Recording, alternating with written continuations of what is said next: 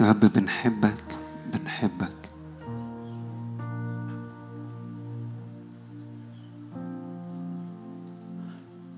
يا رب جايين نتقابل معاك فوق الجبل.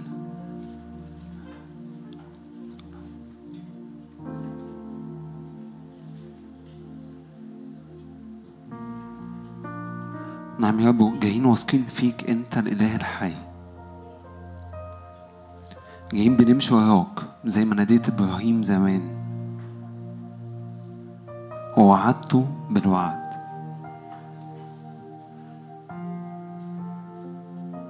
فإحنا رب جايين ماشيين معاك في الرحلة ديت. ندخل أرض جديدة. أبواب جديدة تدخلنا الأرض جديدة.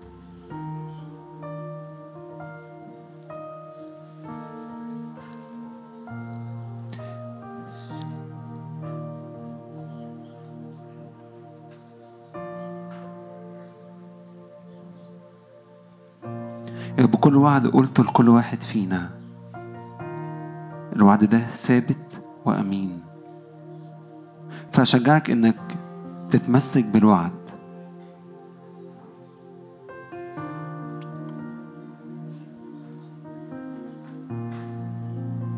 وأنا قاعد الصبح ربنا كان بيفكرني بكل وعد قالهولي حتى لو طال الوقت حتى لو أنت نسيت هو ما نسيش.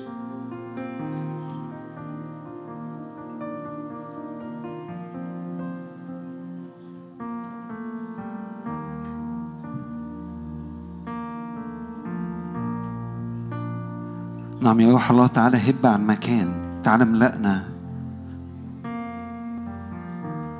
جايين نحبك جايين نعبدك.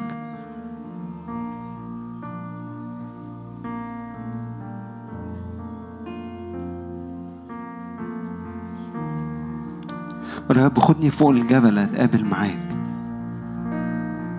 وفوق الجبل هيوريك حاجات وهيقول لك وعود جديدة.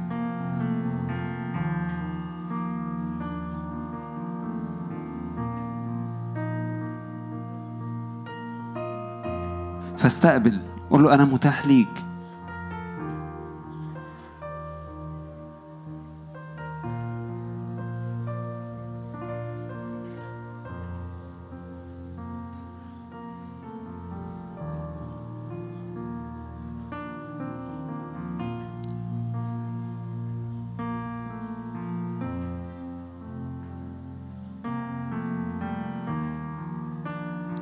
الناس اللي بتتفرج علينا أشجعك استقبل.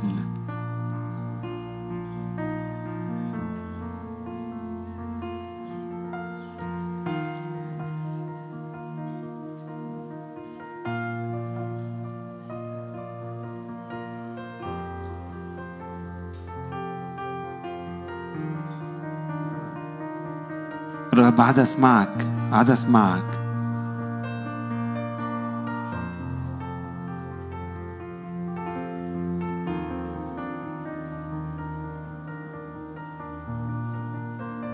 عايز أشوفك.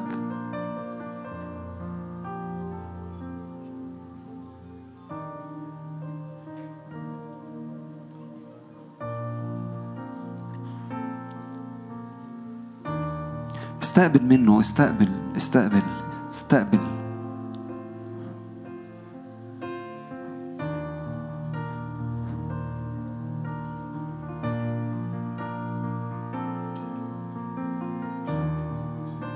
اعبده انت اعبده قبل ما كلنا نتحد مع بعض.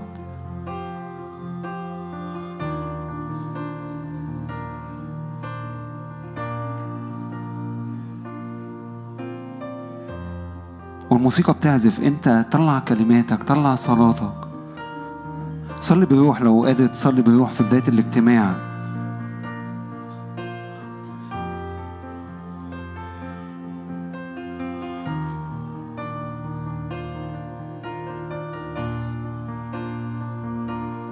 ما فيش حاجة تفصلني عنك ما فيش حاجة بتفصلني عنك. لو جاي تعبان لو جاي منهك لو في ضغوط استعد للأبواب وهي بتتفتح. وطلع المفتاح من جيبك وافتح الباب واعبر ما تقفش في وقت الضيق.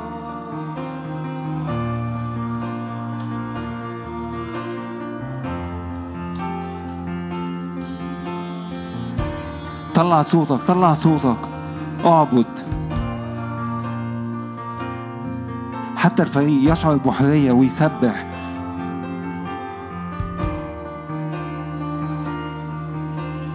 نعم أنا بعلن إن الرب في وسطنا نار آكلة. هلما يروح الله تعالى هب على المكان؟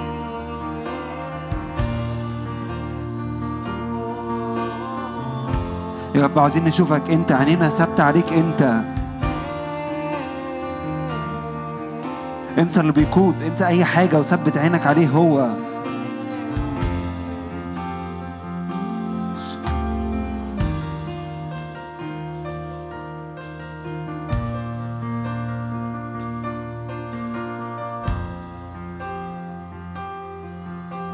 نعم يا رب جايين نتحد مع الكائنات الأربعة. ونعبدك ونقول لك قدوس قدوس قدوس. الرب الإله القادر على كل شيء الذي كان والكائن والذي يأتي. أنت من الأزل وإلى الأبد.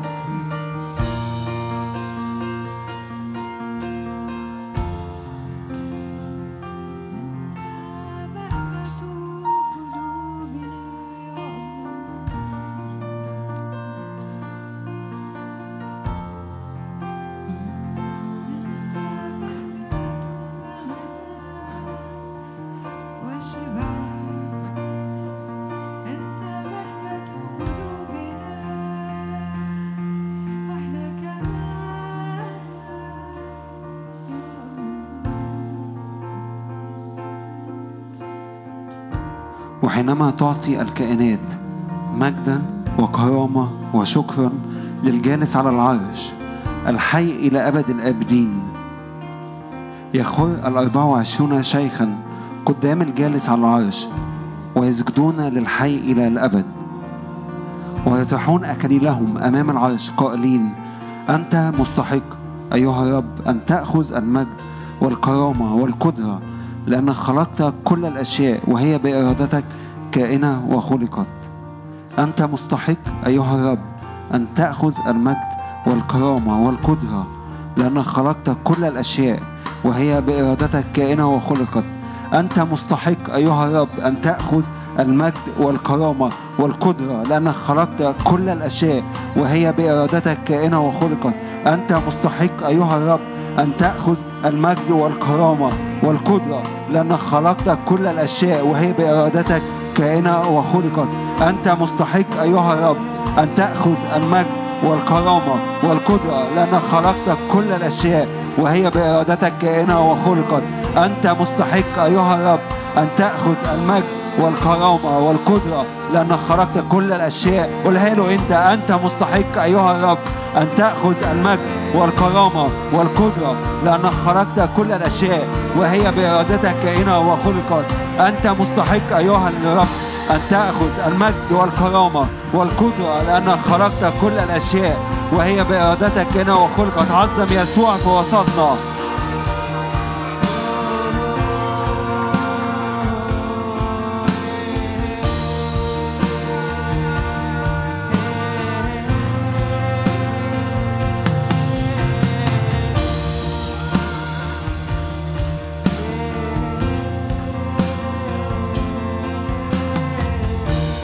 نرفعك فوق الكل.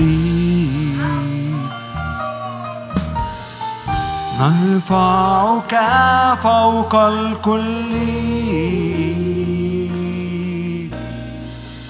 نرفعك عاليا فوق الكل.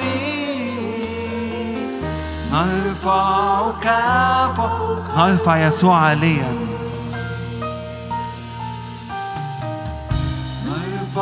نرفعك فوق الكل.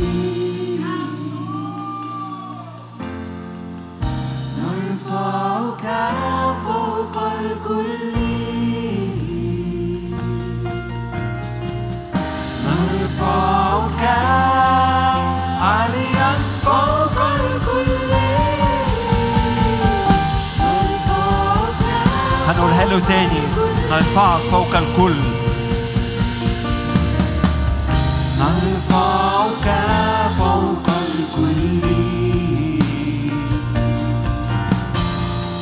نرفعك فوق الكل. نرفعك عاليا فوق الكل. نرفعك فوق مبارك الملك في وسطنا. مبارك.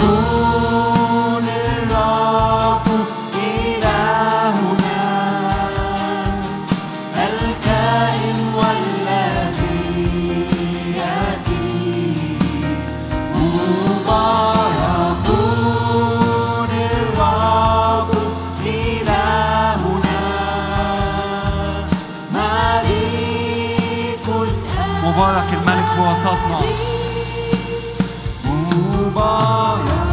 أنت مستحق أيها الرب أن تأخذ المجد والكرامة والقدرة. أنت مستحق أيها الرب أن تأخذ المجد. مبارك.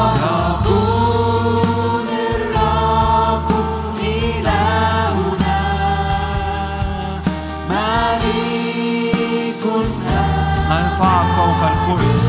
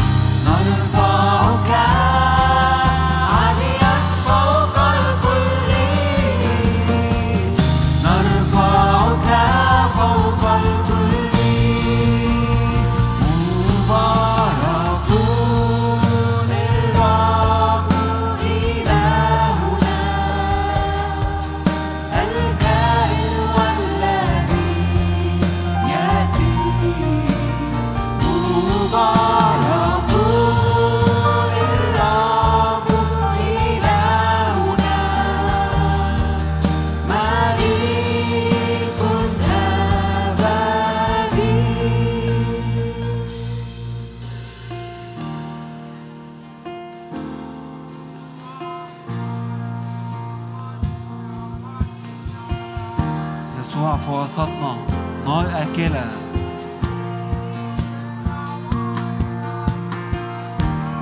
يسوع في وسطنا يسوع في وسطنا.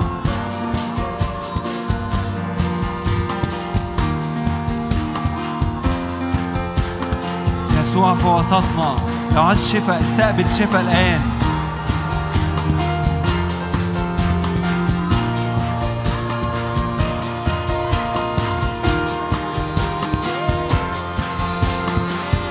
ها هو الملك في وسطنا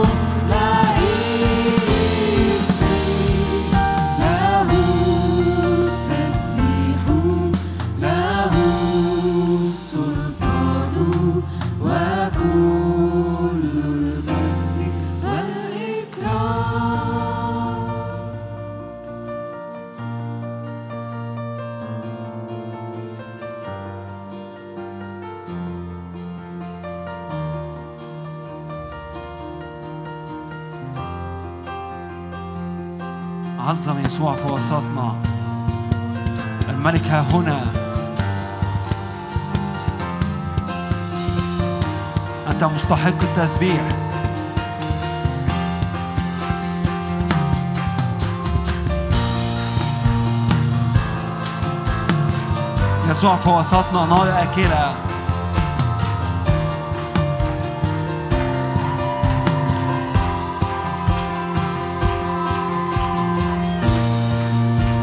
فلنفرح ونبتهج بالرب في وسطنا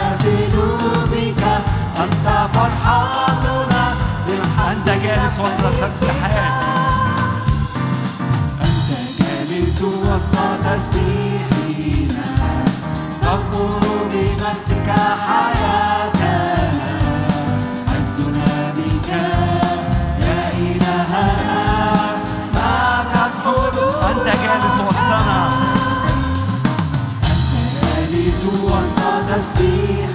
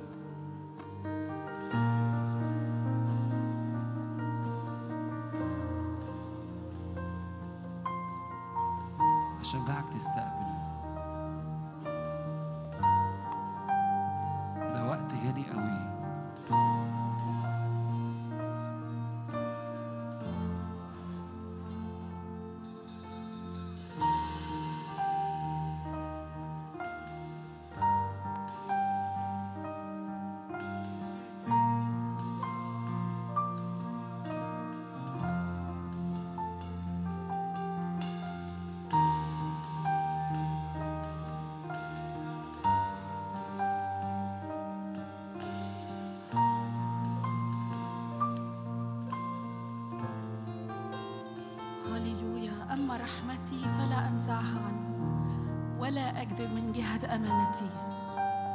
لا أنقض عهدي ولا أغير ما خرج من شفتي. إلهنا إله حي الإله الذي يستجيب بنار إلهنا مش بيستجيب استجابات عادية. إلهنا لما بيستجيب بيستجيب بنار أما رحمته فلا ينزعها عني وعنكم. لا يكذب من جهة أمانته لا ينقض عهده ولا يغير ما خرج من شفتيه. المعجزة مش بعيدة. سريعا جدا يجري قوله. سريعا جدا يجري قوله في اسم يسوع. كل حاجة تبان عالية وكل حاجة تبان مستحيلة تنحني أمامه في اسم يسوع. كل وعد اتأخر كل حاجة تبان اتأخرت بصدق إنه سريعا جدا يجري قوله.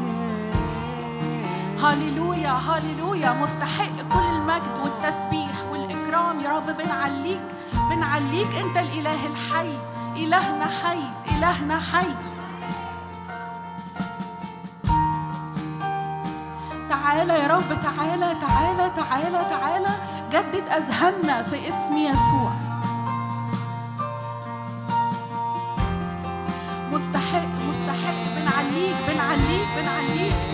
بنعليك في اسم يسوع. تعالى يا رب على أجواءنا. تعالى يا رب في اسم يسوع.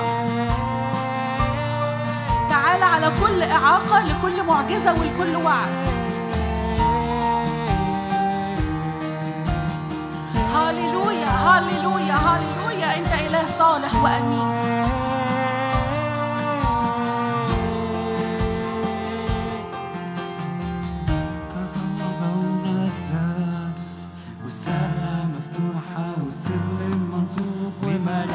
us.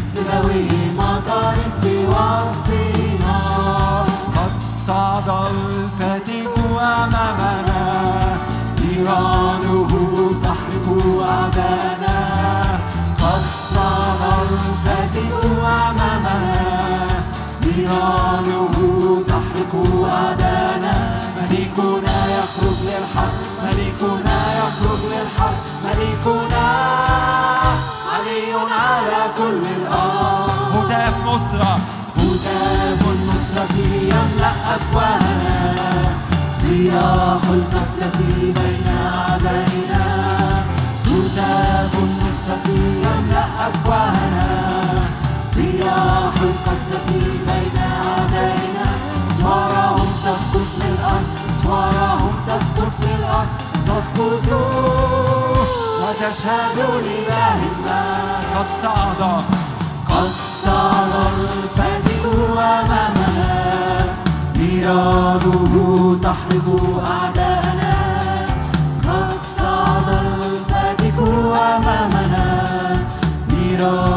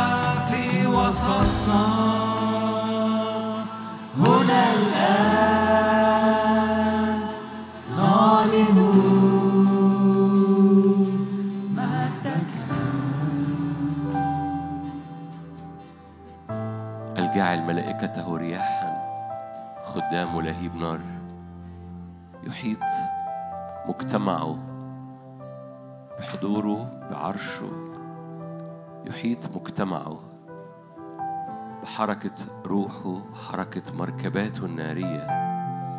ألوف ألوف مركبات.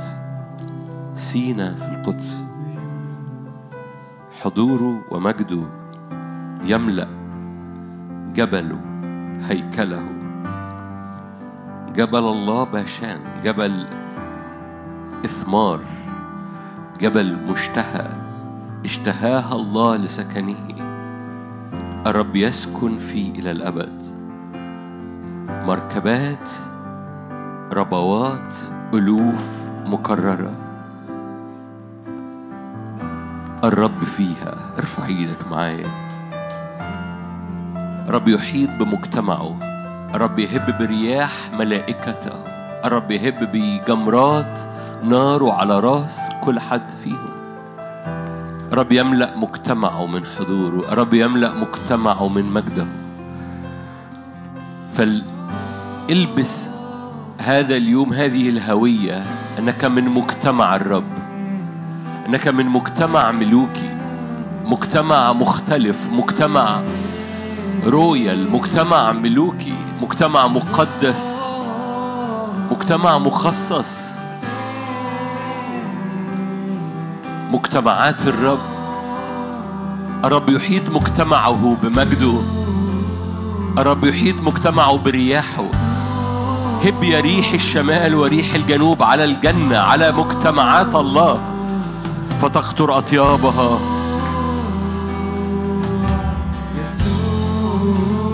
الرب يهب على مجتمعه.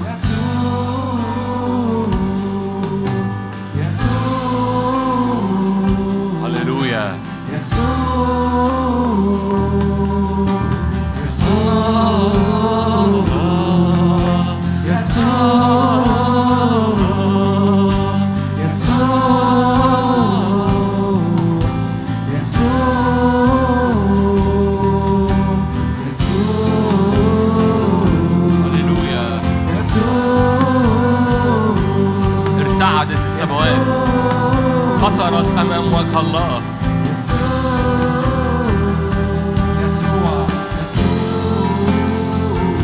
هللويا.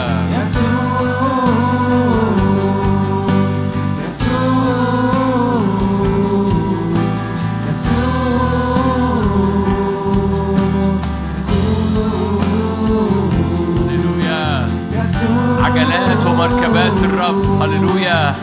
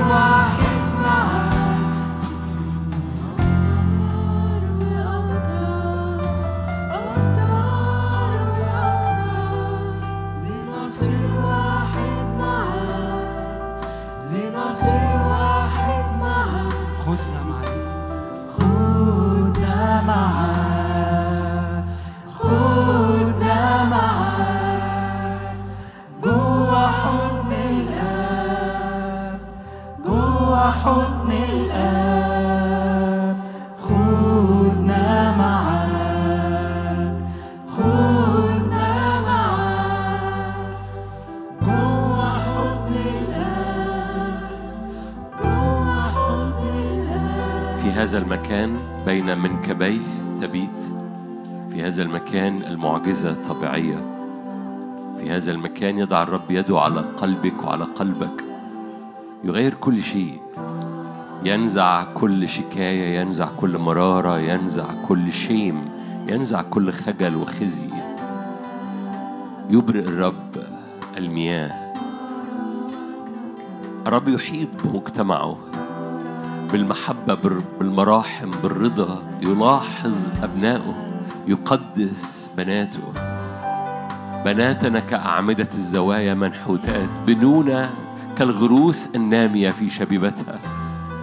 أهراء ملقانة تفيض من صنف فصنف لا هجوم ولا اقتحام ولا شكوى. في مجتمعات الله في مجتمع الرب. الرب يحيطه بعاصف ملائكته حوله عاصف. رياح ملائكته. هللويا. يا رب افتح عيني كل حد فينا ليرى أن الذين معنا أكثر من الذين علينا ليرى جبل الرب مر مليان مركبات الرب. ألوف ألوف مكررة. الرب فيها سينا في القدس. ارفع إيدك واستقبل باسم الرب يسوع لأن في مجتمعات الرب في المجتمع السماوي هناك شعلة نار على رأس كل حد فينا. بلا استثناء. بلا استثناء مجتمعات الرب شعلات نار على راس كل واحد فينا. هناك مجتمعات مليانة نار. رب يخلق بيلد هذه المجتمعات في بلادنا. مجتمعات نارية مجتمعات شعلة نار شخصية على رأس كل واحد واحدة فيهم.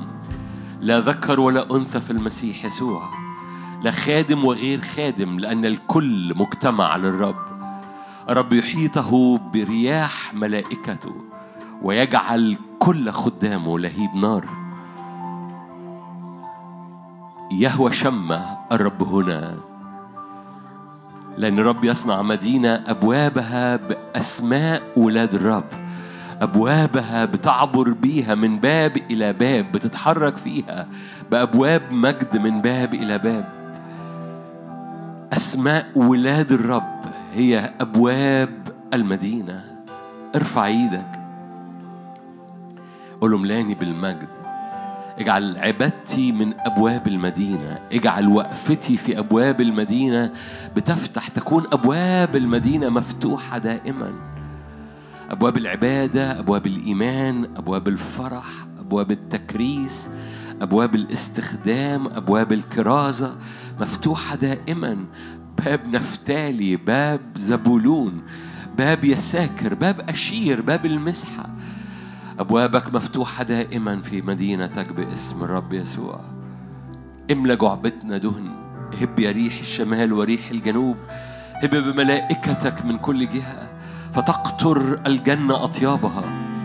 فتكتر مجتمعاتك من مجدها ومن ثمرها. يأتي بثمره الحلو الثمين باسم الرب يسوع. نعم رافعين ايماننا رافعين إيدينا في هذه الأيام. من أجل شفت الزمن من أجل شفت البوابة من أجل الخروج من هذه البوابة من أجل الزمن اللي جاي باسم الرب يسوع.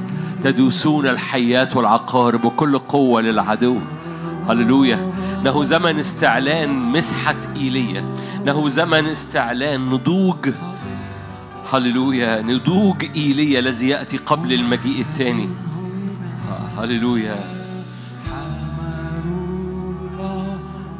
الذي رفع خطية العالم. لا ظلال ممجد هنا. لا ظلال حمل الله الذي رفع خطية العالم. ممجد هنا.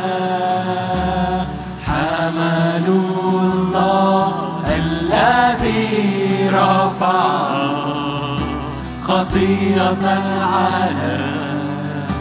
أتم العمل. حملوا الله الذي رفع. خطية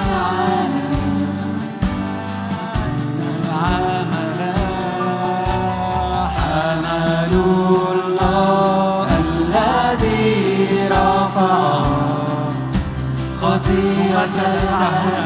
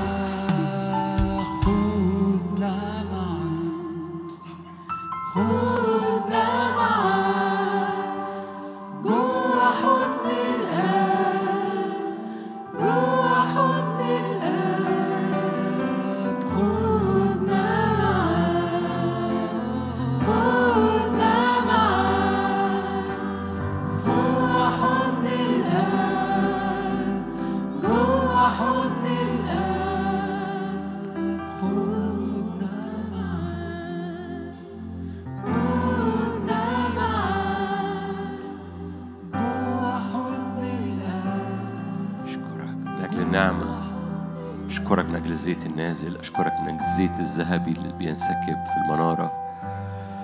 منارة ذهب ورب عابر وسط المناير السبع. أعظمك من أجل حضورك أعظمك من أجل مجدك أعظمك من أجل زيتك الذهبي الذي ينسكب. أشكرك من أجل أبناء الزيت الواقفين عند سيد الأرض كلها. ليك كل المجد يا رب.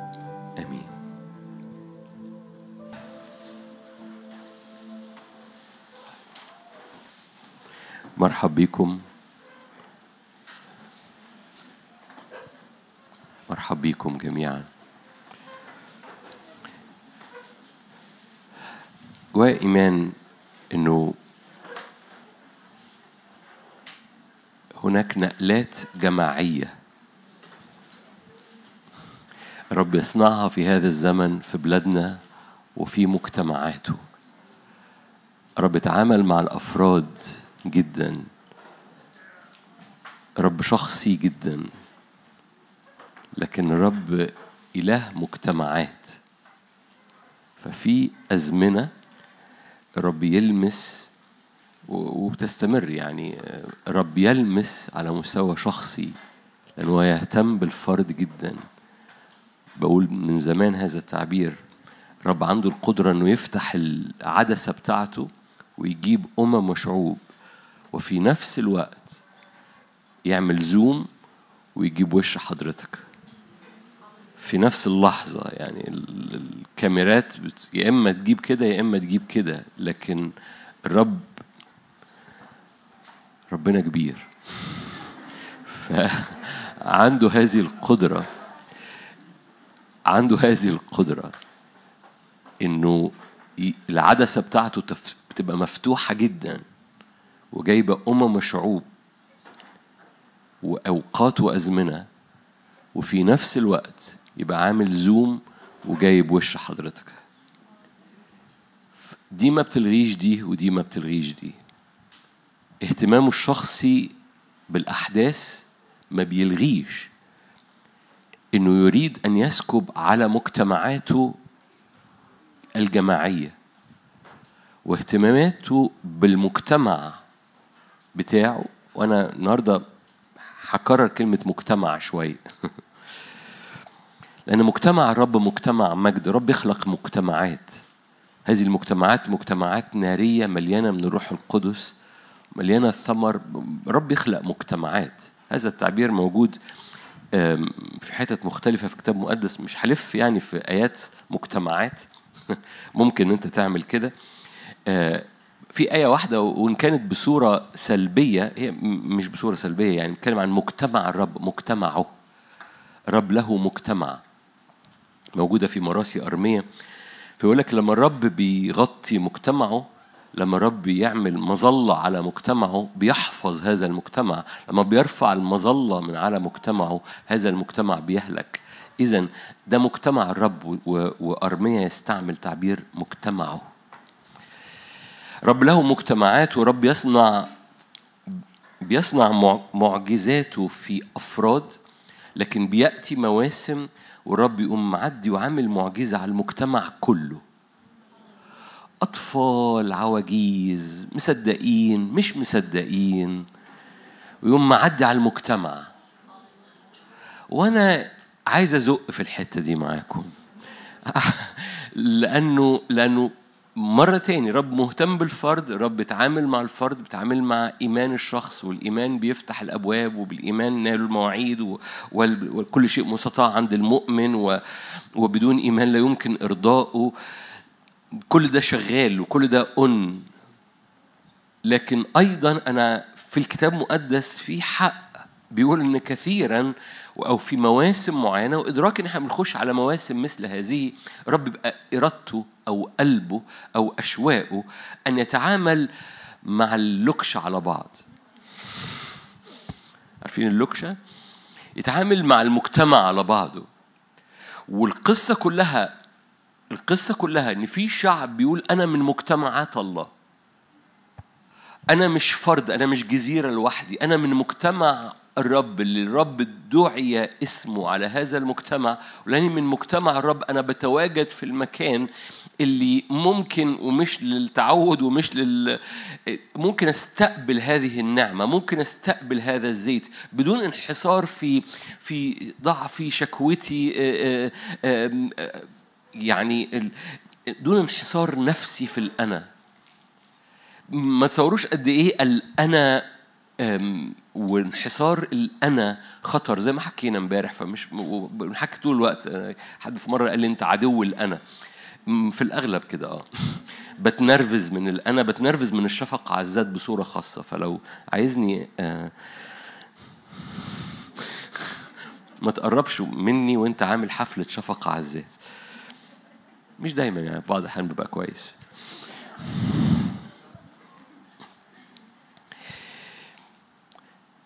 فرب يطلع مجتمعات حتى حتى اللي فيها مح يعني بس هو هو لأني أنا من مجتمع الرب ورافع عيني إلى الذي دعي عليه دعي اسم دعي اسمه علي ومعه أمري. لأني في هذا المجتمع أنا في حاجة بتنسكب على حياتي. مصدق للآخر فاهم كل حاجة مش فاهم كل حاجة. رب كثيرا ما يصنع عمل جماعي مجتمعي مع أطفال مع فاهمين مع مش فاهمين مع مصدقين مع أبطال مع مش أبطال. وأنا نفسي نزق مع بعض. تيجوا يعني أنا نفسي بس النهارده أنا بنكش روحكم بس إلى هذا الأمر. أم، هبتدي من حتة تاني الحقيقة يعني أنا م- يعني خلينا نقرأ أوكي. أه، أقرأ آية صغيرة بس كده في لوقا واحد مش على المجتمع الحقيقة يعني بس أنا أنا جيت أقول لكم بس إيه ال- إيه اللي جوه روحي للنهاردة. النهارده مشاركة بسيطة جدا. لوقا واحد وآخر آية. آية بتتكرر جوه روحي فهي آية لها علاقة بالزمن يمكن تكون شخصية بس هي آية مش شخصية. يعني يعني مش للفرد هي لل- للمجتمع آية عن يوحنا المعمدان فاكرين يوحنا المعمدان جاء بروح مين؟ فاكرين روح إيليا دي هتنسكب إمتى؟ قبل المجيء التاني مش كده؟ قبل المجيء التاني في هذا الأزمنة الرب يخلق كنيسة مليانة من روح إيليا. فقبل المجيء الأول الرب سكب روح إيليا على يوحنا المعمدان. قبل المجيء الثاني الرب سيسكب روح إيليا على الكنيسة فيرد قلوب الآباء للأبناء والأبناء للآباء لئلا يأتي بلعن على الأرض. فلما. هقرا بس هذه الآية آية 80 آية بسيطة. أما الصبي أما الصبي ده يوحنا كان ينمو يتقوى بالروح كان في البراري يعني كان بيعد. وده إيماني إن الرب يسكب روح إيليا في الكنيسة إلى زمن. والرب كان عمال بيسكب روح إيليا وعمال بيعد الكنيسة. خلي بالك الرب في العهد القديم جاء على فرد اسمه ايليا الرب قبل المجيء الأول جاء على فرد اسمه يوحنا المعمدان. الرب قبل المجيء الثاني هأتي على كنيسة.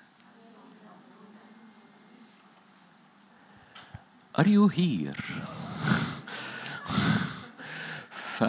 فمفيش حد هيقول أنا عليا روح إيليا. المجتمع كله هيقول إحنا بنتحرك بروح إيليا. فاكرين امبارح الراجل أبو عصاية؟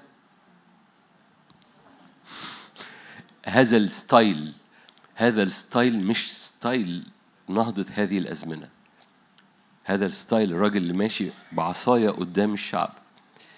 في ال- في العهد القديم كان في واحد اسمه إيليا جاء بعديه واحد اسمه إليشع لكن قبل المجيء الأول جاء واحد اسمه يوحنا المعمدان بروح إيليا بس قبل المجيء الثاني هي هو واحد برضه هي عروس.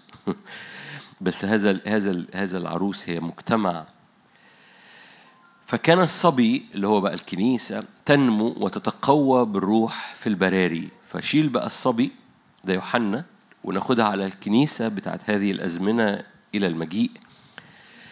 أما الكنيسة كانت تنمو وتتقوى بالروح في البراري إلى يوم. شايفين الآية؟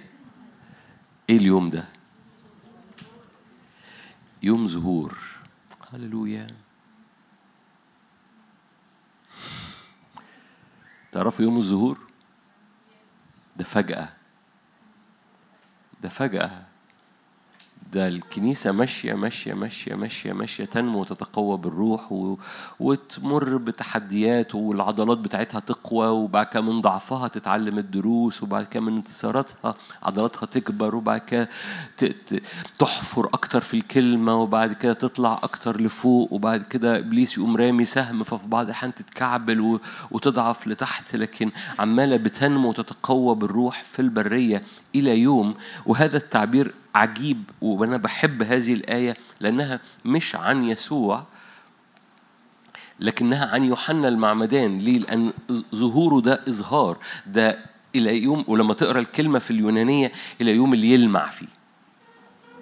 عارفين نفس هذه التعبير موجود في رسالة يوحنا الأولى أبناء الله إيه؟ ظاهرون.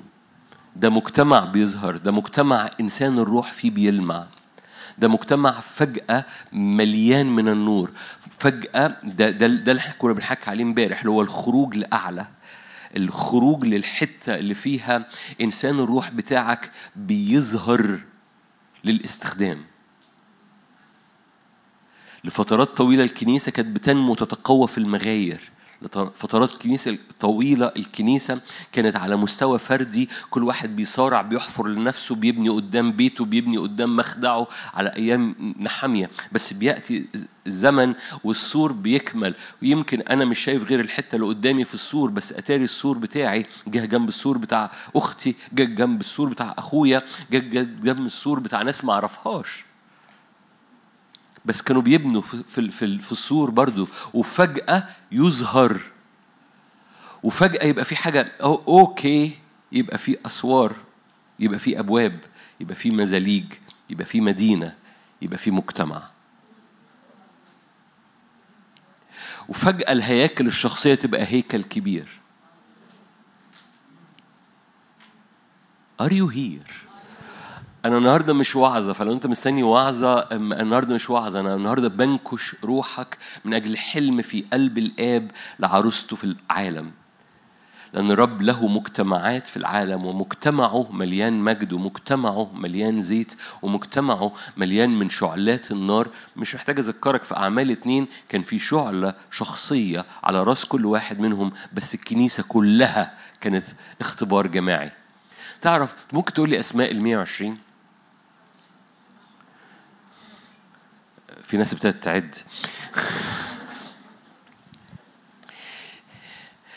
ممكن تبقى عارف حبة منهم بس مش هتبقى عارف ال 120 طب ال 120 دول عملوا إيه؟ كل أعمال ال 120 أنت عارفها؟ لا طبعا أنت مش عارفها. ليه؟ لأنه كثيرين من ال 120 دول عملوا أمور مش مذكورة في سفر الأعمال. بس القصة اللي حصلت إن هذا كان اختبار جماعي كانت معجزة جماعية كان معمودية بالروح وبالنار جماعية كان قدس أقداس. وفجأة يمكن ده كان منهم بطرس كان منهم بارتيماوس وبعد كده كان منهم العذراء مريم وبعد كده كان منهم واحد مجهول جدا.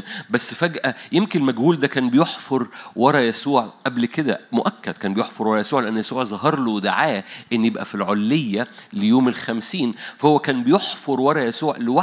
يمكن ما كانش يعرف بارتيماوس. عارفين إن بارتيماوس واحد من ال... من الرسل. ماشي؟ كان يدعى نثنائيل. عارفين كذا واحد منهم كان اسمه كذا بس يدعى كذا؟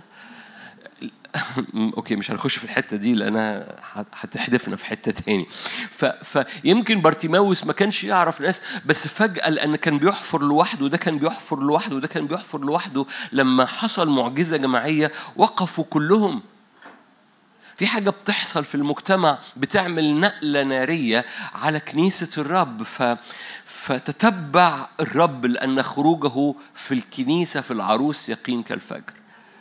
أحد مشاكل اللي أنا بقوله النهاردة إنه إنه ممكن ناس تفصل مني. أقول لكم مين الناس اللي هتفصل مني؟ عشان لو أنت فصلت مني. عارفين مين الناس اللي هتفصل مني؟ اللي عايز أنا لوحدي. أنا عايز أنا عايز أنا عايز أنا عايز. ده اللي هيفصل مني لأنه هيحس أنا بتكلم المجتمع. أنا مش عايزك تكلمني على المجتمع كلمني عني. إيه؟ إني. فده هيفصل طبعا. ليه؟ لأن هو مش مش ما, ما تكلميش عن مجتمع ومعجزة جماعية. أنا مش مشغول بمعجزة جماعية أنا مشغول بيني بس عايز أقول لك لما بت- بتقف من أجل معجزة جماعية اللي بينسكب على الني بتاعك أكتر جدا من لو أنت وقفت من أجل الني بتاعتك بس. هتفهم حاجة؟ لأن المعجزة الجماعية أوسع وأمجد وأقوى وأعلى من انحصارك في الأنا بتاعتك. فمن فضلك ما تفصلش. من فضلك ما تفصلش لأنه الرب اللي بيسكب بيسكب بغمر على مجتمعه لأنه بيحب مجتمعه بيقدس مجتمعه وبيطلق مجتمعه بقوة غير عادية. لأن دي أزمنة خاصة بيسكب فيها روح ايليا قبل المجيء الثاني. كثيرين يقولوا دي المسحة اللي جت على الشاهد الشاهدين اللي موجودين في رؤيا 11 وإن كنت مش عايز أخش لأنه الأخرويات دايما بتعمل مشاكل وتفسيرات سفر الرؤيا دايما بتعمل مشاكل وكل حد بيتعصب لمدرسته فعلى الأرض السلام وللناس الإيه؟ المسرة زي ما أنتم ابتسمتوا كده هي دي المسرة. لكن من المؤكد ايا كان مين الشاهدين إنه هو في سكيب لروح إيليا قبل المجيء الثاني على كنيسة الرب لإعداد حصاد قبل المجيء. في حصاد عظيم وفي كنيسة مجيدة قبل المجيء الثاني. الرب لن يأتي العروس مهلهلة لن يأتي العروس كل واحد بيلعب لوحده لن يأتي العروس كل واحد محصور في الانا بتاعته. سيأتي العروس بهية بهية بهية مليانة إعلان مليانة نور ظاهرة إلى أيام ظهوره. هللويا. كلمة تصور الرب الكتاب المقدس بيحكي إن يوحنا حصل ليه ظهور. كان ينمو وتقوى بالروح في البراري إلى واو. عارف لو الآية دي عن يسوع تقول لي آه يس يسوع و... بس ده عن يوحنا المعمدان. اللي هو حضرتك اللي هو حضرتك اللي هو مجتمع بيتسكب عليه روح إيليا في هذه الأزمنة. نط معايا لسفر الرؤيا قلت لك مشاركة النهارده بسيطة. سفر الرؤيا رؤيا 21 شاهد كنا بنقراه امبارح.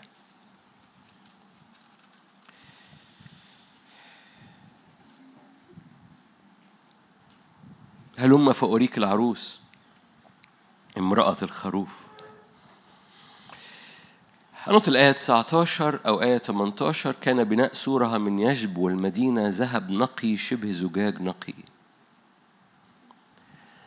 المدينة ذهب نقي شبه زجاج نقي. يعني هذا الذهب شفاف. أساسات سور المدينة مزينة بكل حجر كريم. الأساس الأول يجب الثاني ياقوت أزرق عقيق أبيض زمرد ذبابي. جذع عقيقي عقيق أحمر زبرجد زمرد سرقي ياقوت أصفر عقيق أخضر إسمنجوني جمشت الاثنى عشر باب اتناشر لؤلؤة. كل واحد من الأبواب كان من لؤلؤة واحدة. وسوق المدينة ذهب نقي كزجاج شفاف. لم أرى فيها هيكل لأن الرب الله القادر على كل شيء هو الخروف هيكلها. المدينة لا تحتاج إلى شمس ولا إلى قمر ليضيء فيها لأن مجد الله أنارها الخروف سراجها. تمشي شعوب المخلصين بنورها. ملوك الأرض يجيئون بمجدهم وكرامتهم إليها. أبوابها لن تغلق نهارا. زي ما اتفقنا مفيش ليل. لأن ليلا لا يكون هناك. فهي أبوابها مفتوحة دائما لأن مفيش غير نهار وهي ما بتقفلش في النهار. أبوابها لن تغلق نهارا لأن ليلا لا, يك لا يكون هناك. يجيئون بمجد الأمم وكرامتهم إليها. حارة معلش 24 تاني. تمشي شعوب المخلصين. خلي شوف شوف المشهد شو- شوفوا فيديو. تمشي شعوب المخلصين بنورها. ملوك الأرض يجيئون بمجدهم وكرامتهم إليها. أبوابها لن تغلق نهارا ليلا لا يكون هناك. يجيئون بمجد الأمم وكرامتهم إليها. لن يدخلها شيء دنس ولا ما يصنع ركسا وكذبا إلا المكتوبين في سفر الحياة. أمين. زي ما اتفقنا إن هذه المدينة لها استعلان في النهاية في في سفر الرؤيا لكن هذه المدينة هي مدينة بتتزار كل مرة في إنسانك الروحي. عشان كده وقت ظهوره هو محتاج تتعود على حركة إنسانك الروحي في الحضور الإلهي. هو خروج من الخيمة ونظر وارتفاع هو خروج لأعلى. أول حركة إنسانك الروحي لما بتتحرك ممكن تعبد بإنسانك الأرضي والرب لذيذ ومخه كبير وبيقبل الأمور دي بس خلي بالك إن يسوع أعلن لينا كده إن الآب طالب الساجدين مش بالجسد. السجود بالجسد ده نتيجة لكن الآب طالب مثل هؤلاء الساجدين بالروح اللي هو بإنسان الروح يعني بالحق. بإنسان الروح والحق. فالآب طالب مثل هؤلاء الساجدين اللي بيحركوا إنسانهم الروحي وراه وبيتواجدوا قدامه. حاول الجملة دي مرة تاني احتياطي. خلي بالك بكتشف إن ناس كتيرة بتتعامل مع الجمل إنها وعظات. صدقني ما هو وعظة. لو هي وعظة أنا ما كنتش جيت. بأمانة لو هي وعظة أنا ما كنتش جيت. الآب طالب الساجدين بالروح وبالحق. يعني إيه؟ يعني إنسانك الروحي. احتياطي. يعني إيه إنسانك الروحي؟ يعني الروح اللي ساكن في قلبك الساكن داخلك اللي هو بيت- بيتحرك بره القشرة دي. تقول يعني إيه بره القشرة دي؟ بتقول جمل أقول لك يعني بتخرج بره الأنا. أنا أصل أنا بحب الأنا. بتخرج بره الأنا. بتخرج بره انحصارك في المحسوس والعيان. القشرة دي مليانة عيان مليانة محسوس مليانة ظروف مليانة أفكار مليانة تاريخ مليانة اللي حصل النهاردة الصبح مليانة شكاية. عشان كده إبليس بيعرف يحصلك ويقف ويقاومك ويرمي الصنارة بتاعته ويجذبك لورا لأنه بيلاقي أرض يقدر يجذب فيها الأرض اللي بيعرف يجذب فيها هي القشرة دي. لما بتعبدوا من خلال القشرة بتعبدوا من خلال مكان يقدر إبليس يرمي الصنارة ويقوم جاذب. جاذب بأفكار جاذب بشكاية جاذب بتشكيك جا- جاذب بخوف جاذب بمقارنات جاذب بأكاذيب جاذب بحاجات كتيرة جدا. عشان كده في جسيماني التلاميذ ما عرفوش يعبروا هذه الليلة لأن الجسد كان ضعيف والليلة كانت تقيلة وكانوا مكتئبين فناموا برغم أن يسوع وصاهم مرتين. اسهروا ده اللي خلى يسوع ينتصر وادانا المفتاح. قال بصوا أحبائي الروح نشيط. إنسان الروح بريك ثرو إنسان الروح بيخترق. كلكم عارفين هقولها مرة تاني المفروض إنكم عارفينها. قال كده التعبير اليوناني اللي استخدمه الروح نشيط أما الجسد فضعيف. كلمة ضعيف هي أسمى. أسمى اللي هي في الطب بيستعملوا هذا التعبير لأنه تعبير يوناني. الطب مكتوب باليوناني أصلا. الأسمى اللي بيجيله فرب ببساطة بيقول أن الجسد أنا أنا أنا أنا بشرحها لحضرتك عشان تستوعب. إيه اللي بيخلينا في بعض الاحيان مخنوقين؟ إيه اللي بيخلينا في بعض الاحيان ب... طب أنا اتشجعت وحضرت بس بعد أسبوع لقيتني مش آه ولا روحيا ولا ايمانيا مخنوق. حلو. مؤكد لأن الجسد أسمى. لو رجعت لليونانية تجد ده اللي مكتوب في كتاب مقدس.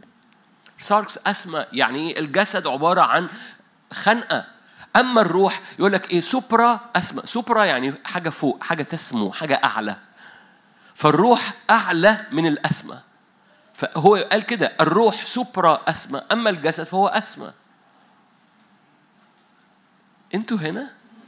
وبالتالي ببساطة ده مش اقتراح جميل ده مش وعظة للخادم فلان الفلاني أو للتأمل فلان الفلاني. ده ده ده زي ما يكون شرط. نسميها شرط سميها شرط. الآب طالب مثل هؤلاء العابدين العابدين بالروح وبالحق مش بال ب... طب طب أنا في الجسد. حبيبي ما أنت لما بتعبد بالروح جسدك بي... بي... بيعرف يتنفس. لأن الروح supra supra يعني حاجة أعلى. الروح supra الروح أعلى. الروح بياخدك لحتة وبيخترق وبيعدي الحتة اللي جسدك محشور فيها. ولما روحك بيعدي جسدك بيتنقل وراه لأن الجسد sorry كنت هستعمل تعبير بايخ؟ بلاش استعمل تعبير بايخ استعمل تعبير محترم شوية. الجسدك من عربيات ال- القطر مش ال مش ال مش القاطرة مش ال engine مش الموتور.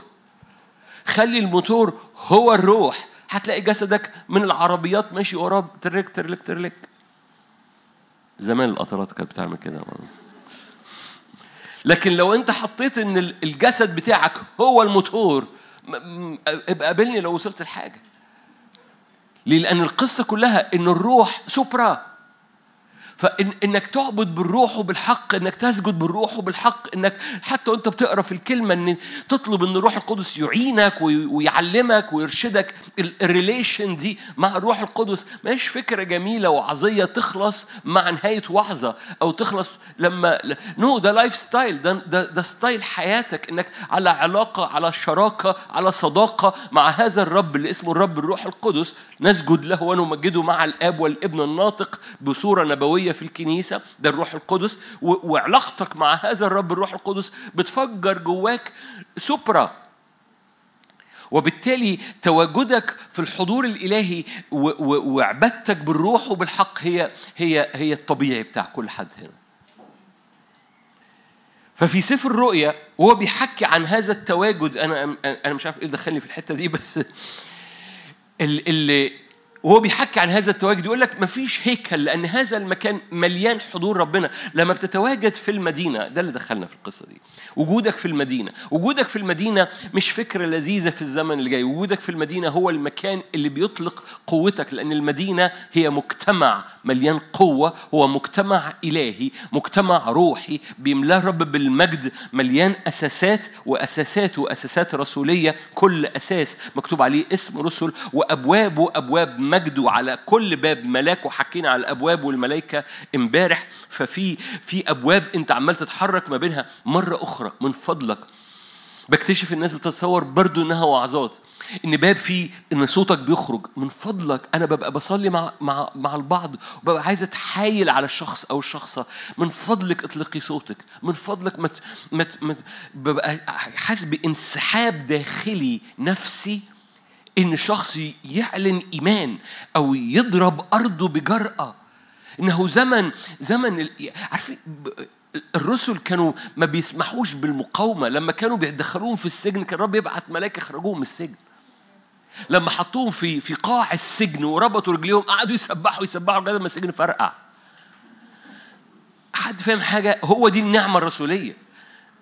هي دي النعمة الرسولية، النعمة الرسولية ما بتقفش قدام مقاومة عشان كده الرب بيبني الكنيسة على أساسات اسمها الرسل والأنبياء، يعني حق حاضر وهذا الروح هذه هي النعمة اللي بتتحرك جوه الكنيسة كاختبار جماعي كمجتمع إلهي. هذا المجتمع الإلهي مليان من حق حاضر. دي, ال- دي ال- الكور بتاع المسحة النبوية. ومليان من هذه الريزيلينس المتانة لو جاز تعبير متانة فاهمين يعني إيه متانة؟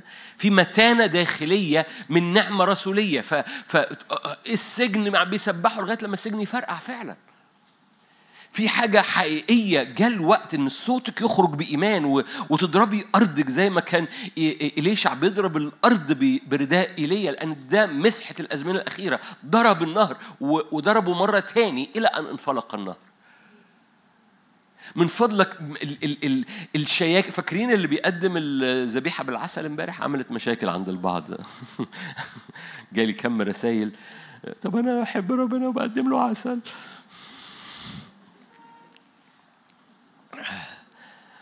في ناس كده soft تقول لي أنا طبيعتي soft أقول لك أنا مش معترض إنك تكون soft قدام ربنا مش معترض على طبيعتك. بس خلي بالك غيرة يسوع كان soft ولا ما كانش soft عمل صوت وطرد الباعة عن الهيكل ال soft ده. ماشي. قال لبطرس اذهب عني يا شيطان. هذا ال soft. بمعنى إيه؟ بمعنى إن في غيرة جوه قلبك وقلبك حتى لو أنت بسكوتة وبتحب الرب ولذيذ وبتحب الحتت اللذيذة وما بتحبش الحتت اللي مش لذيذة.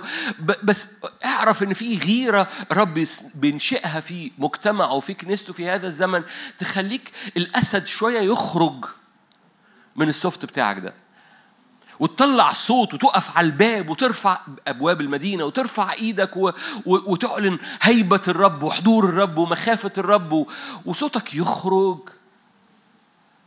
هو اللي قال للعروس سمعيني برغم إن وجهك جميل بس أنا عايزك تزقري شوية مش قال لها وجهك جميل صوتك لطيف بس سمعيني صوتك أوكي هرجع مرة تاني. ففي هذا الرب يخلق مجتمعات والمدينة دي مجتمع. هتفضل individual هتفضل فرد مفرد طول ما انت محصور في نفسك محصور في أوضتك. وإبرام قاعد جوه. الخيمة بيقول ماذا تعطيني وأنا ماضي عقيم ووارث بيتي عبدي الدمشقي ا- ا- ا- لما تخرج. وترفع عينك زي ما حكينا امبارح فمش هكرر لما تخرج من من الانديفيدواليزم دي من الفردية دي وتدرك إن في مدينة والمدينة دي مجتمع والمدينة دي موجودة لحضرتك كل وقت لا تغلق هي دايما نهار أبوابها دايما مفتوحة تواجدك فيها معروض ليك وأنت في العربية وأنت في الميكروباص وأنت في الحمام وأنت في الشغل وأنت في مع الولاد بت- بتلعب. وأنت موجود قدام هذه المدينة موجودة ليك لكي تتواجد فيها تقف في أبوابها تتأمل. قال تأملوا قصورها عدوا أبراجها. عارفين؟ الايات دي جميل هو الارتفاع دي مدينة إلهنا. هذه المدينة هي مجتمع مليان قصور مليان أبراج أبراج يعني أماكن قوة. فاهمين يعني إيه أبراج؟ أبراج ده ده عدوا عشان كده قال عدوا أبراجها يعني عدوا مراكز القوة اللي فيها. إزاي هي قوية؟ عدوا أبراجها تأملوا قصورها تأملوا المسحة الملوكية الموجودة فيها. ده عمل جماعي ده اختبار جماعي. ده ما بقتش أنا لوحدي. عشان كده عمال يحكي عن هذه المدينة وإنها نهارا دائما وإنها وإنها حضور دايما. تواجدنا في المدينة سيؤدي إلى أن الملوك والأمم تأتي لكي تنضم إلى هذه المدينة. أؤمن إن أحد مفاتيح الحصاد بتاع الأزمنة اللي جاية إن شعب الرب اللي بينزل يخدم حتى لو بينزل لوحده في ناس النهارده مش موجودة قرروا إن هم هينزلوا يخدموا. هللويا. بعتوا لي رسالة الصبحية. إحنا مش جاي النهارده نازل أخدم. مجدا للرب. بعد ما ليه عملوا كده؟ حاجة جميلة. نزولك بالمدينة نزولك وعلى في حضور إلهي حضور مجتمعي على الفرد. يعني المجتمع موجود على حد فاهم حد فاهم يعني إن المدينة فوقيك؟ يعني لما انت بتبقى لوحدك في الأوضة المدينة موجودة ليك في مجتمع على دماغك.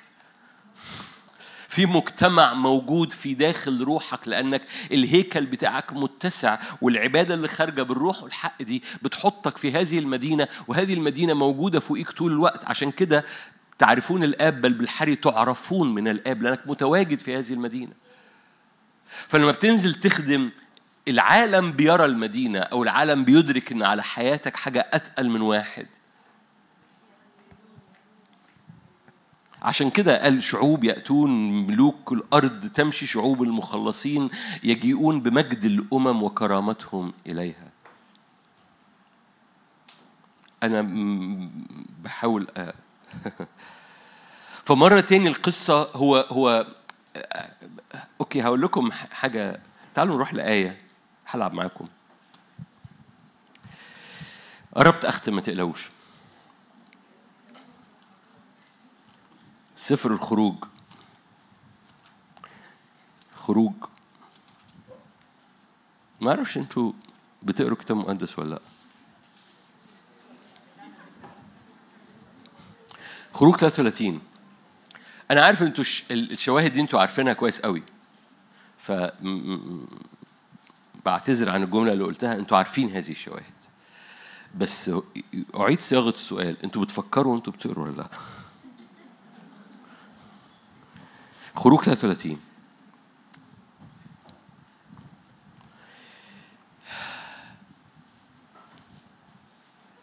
ح- هعمل مقارنة ما القصتين معروفين بس برضو هقرأ آية آية 20 خروج 33 آية 20 الرب بيكلم موسى. قال الرب لا تقدر أن ترى وجهي لأن الإنسان لا يراني ويعيش. قال الرب لا تقدر أن ترى وجهي لأن الإنسان لا يراني ويعيش. بيكلم إيه؟ بيكلم موسى. لما قال له أرني مجدك؟ فقال له لا تقدر أن ترى وجهي. قال الرب هوذا عندي مكان تقف على الصخرة متى اجتاز مجدي أضعك في نقرة من الصخرة. أسترك بيدي حتى اجتاز أرفع يدي تنظر ورائي أما وجهي فلا يرى. كلنا عارفين الشاهد ده مش كده؟ معلش مرة تاني حطي عشرين بس قدام عينيهم يتملوا فيها قبل ما أقرأ الآية اللي وراها. لا تقدر أن ترى وجهي. الإنسان لا يراني ويعيش شايفينها؟ أوكي. نفس الإصحاح. نفس الإصحاح. آية 11 33 11 ويكلم الرب موسى.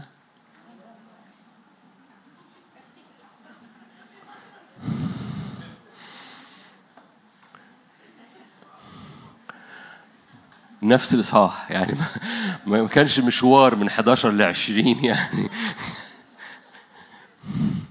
كلم الرب موسى. وجها لوجه كما يكلم الرجل صاحبه. عشان كده أنا عارف إنكم عارفين القصتين أنا عارف إنكم عارفين الشاهدين. بس الرب لذيذ الرب لذيذ الرب لذيذ. وأنت في ال... وأنت وأنت في الصحراء أنت ترى ظهر الرب. وأنت في الهيكل أو في الخيمة أنت ترى وجه الرب.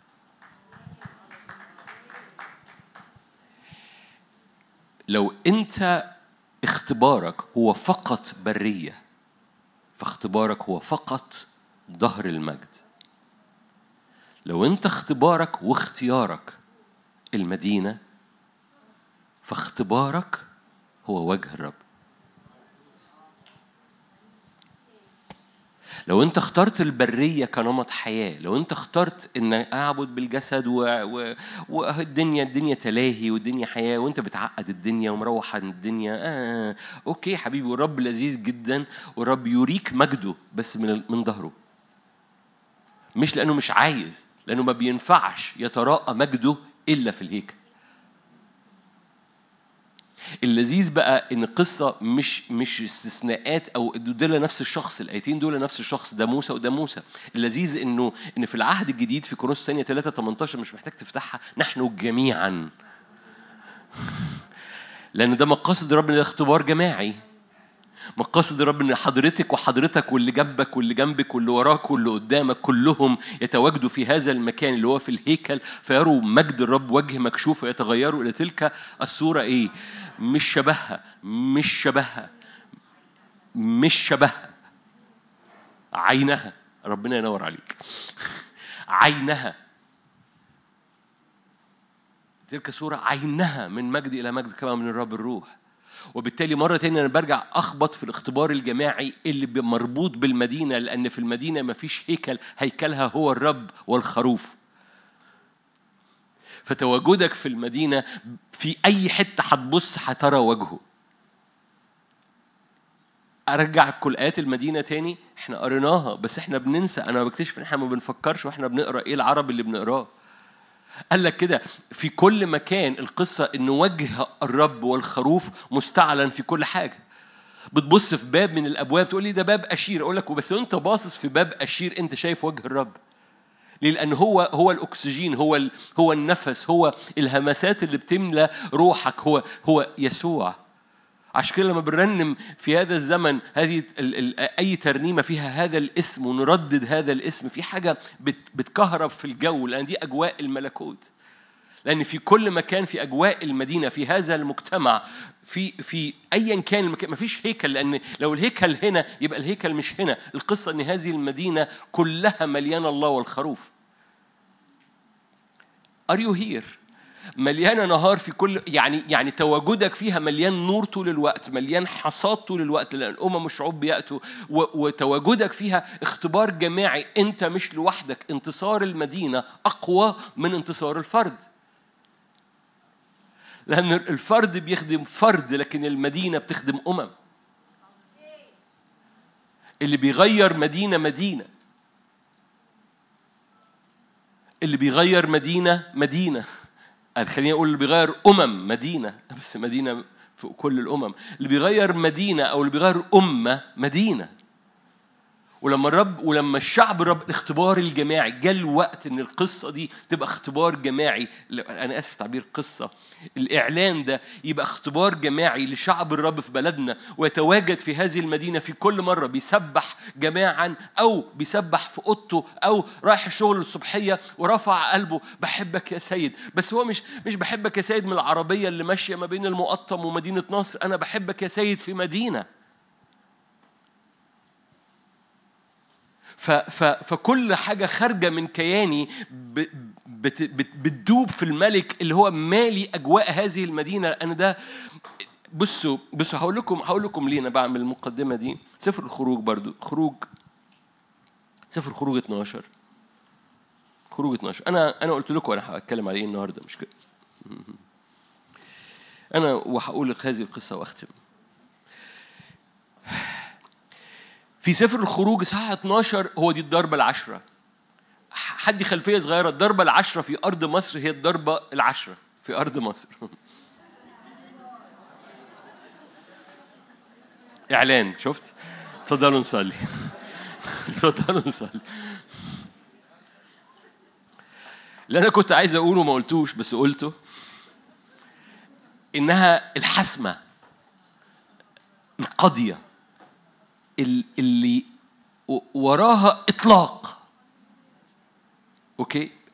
أنا عارف إنك درست عن الضربات والضربة دي كانت للإله كذا في أرض مصر والضربة دي كانت للإله كذا وكل ضربة كانت متو- متوصلة. كل ده أليستا لانش. شغال معايا. ال- السوايسه هيعرفوا يعني إيه أليستا لانش؟ ما آه السوايسه روحوا امبارح. بورسعيدية موجودين عندكم على ليستة ال lunch برضه؟ ما عندكمش على ليستة ال lunch؟ سويسي بس؟ okay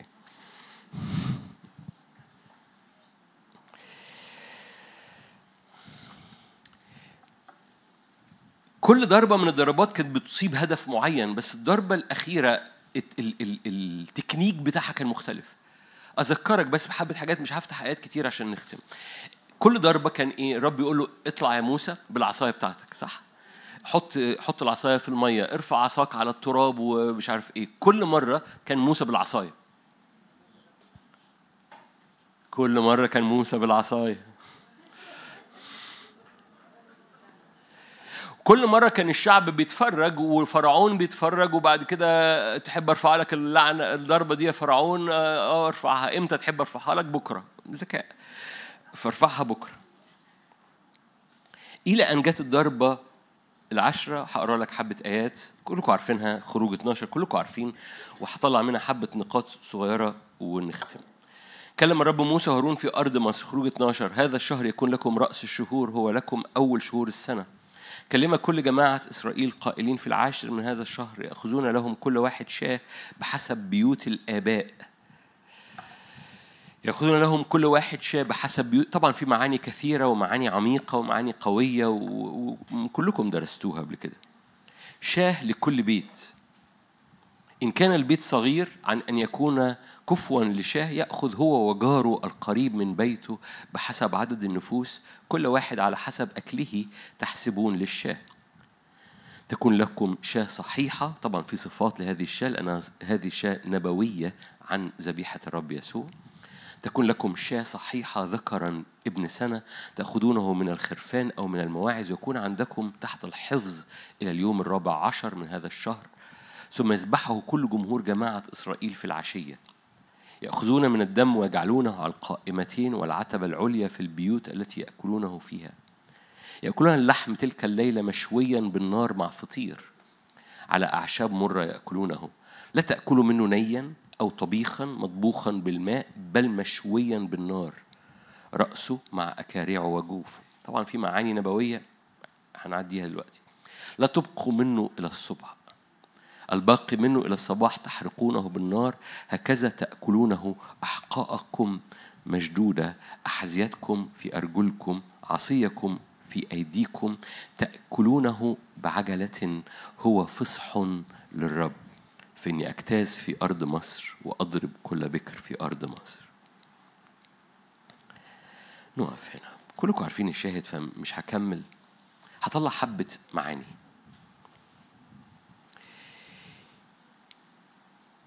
هذا هذه أذكرك بس ليه أنا انشغلت بالضربه العشر. لأنه إدراكي إن رب يغير التكنولوجيا بتاعته في النهاية.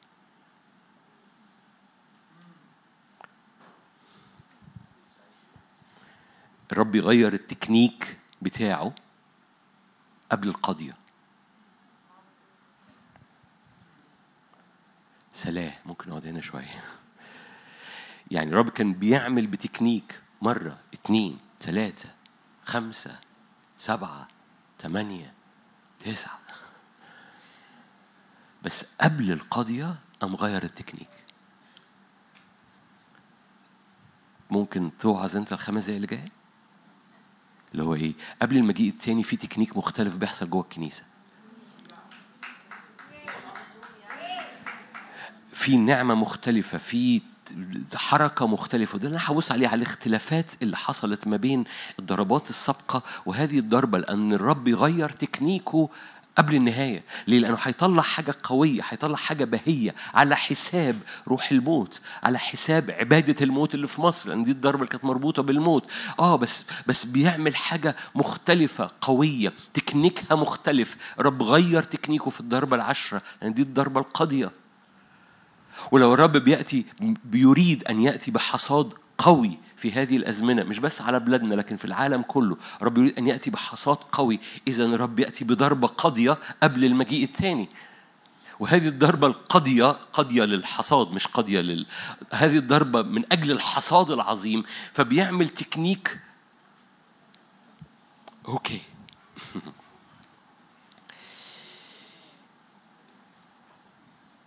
الرائع في هذه القصة إن كان في مش راجل بعصاية. تعرفين أنا بكره الراجل أبو عصاية ده؟ ما كانش في راجل أبو عصاية. وهحكي لك دور الراجل أبو عصاية لأن موسى كان موجود وموسى استمر موجود. فدي مش نهاية الراجل أبو عصاية. لأن في ناس تقوم حاتفة طب إيه بلاها بقى راجل أبو عصاية؟ القصة مش كده. هنلعب مع بعض. أوكي؟ أنا عندي دي آخر شاهد هقراه تقريبا. عشان بس ما حدش عشان الناموس بي هذه هذه القصة فيها مسؤولية شخصية برغم إنه اختبار جماعي. مش ده كان اختبار جماعي؟ بس في مسؤولية شخصية. الكومبينيشن أو ال- ال- ال- التناغم ما بين المسؤولية الشخصية والاختبار الجماعي في هذه في هذه هذه الضربة واضح جدا. بالمقارنة بالباقي الباقي كله موسى يخرج معاه العصاية يحط العصاية في المية المية تبقى دم. هي. في دي مش كده. هو اختبار جماعي المية بقت دم. كل الناس شافت المية بقت دم بس ما كانش في مسؤولية شخصية وهم اتفرجوا عليها. لكن في هذه القصة بقى في مسؤولية شخصية ده كل بيت وكل أب للبيت. والولاد والستات والعواجيز. وأمي. وابني ومش عارف إيه لازم يخش جوه البيت ولازم لازم نأتي بالخروف ولازم كلنا نأكل من هذا الخروف ولازم الدم يترش على هذا البيت في مسؤولية شخصية مسؤولية بيرسونال جدا بيتية جدا شخصية جدا انتمائية جدا بس على بس اختبار جماعي.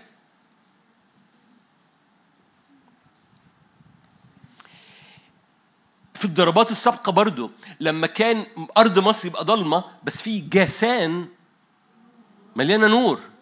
فده اختبار جماعي.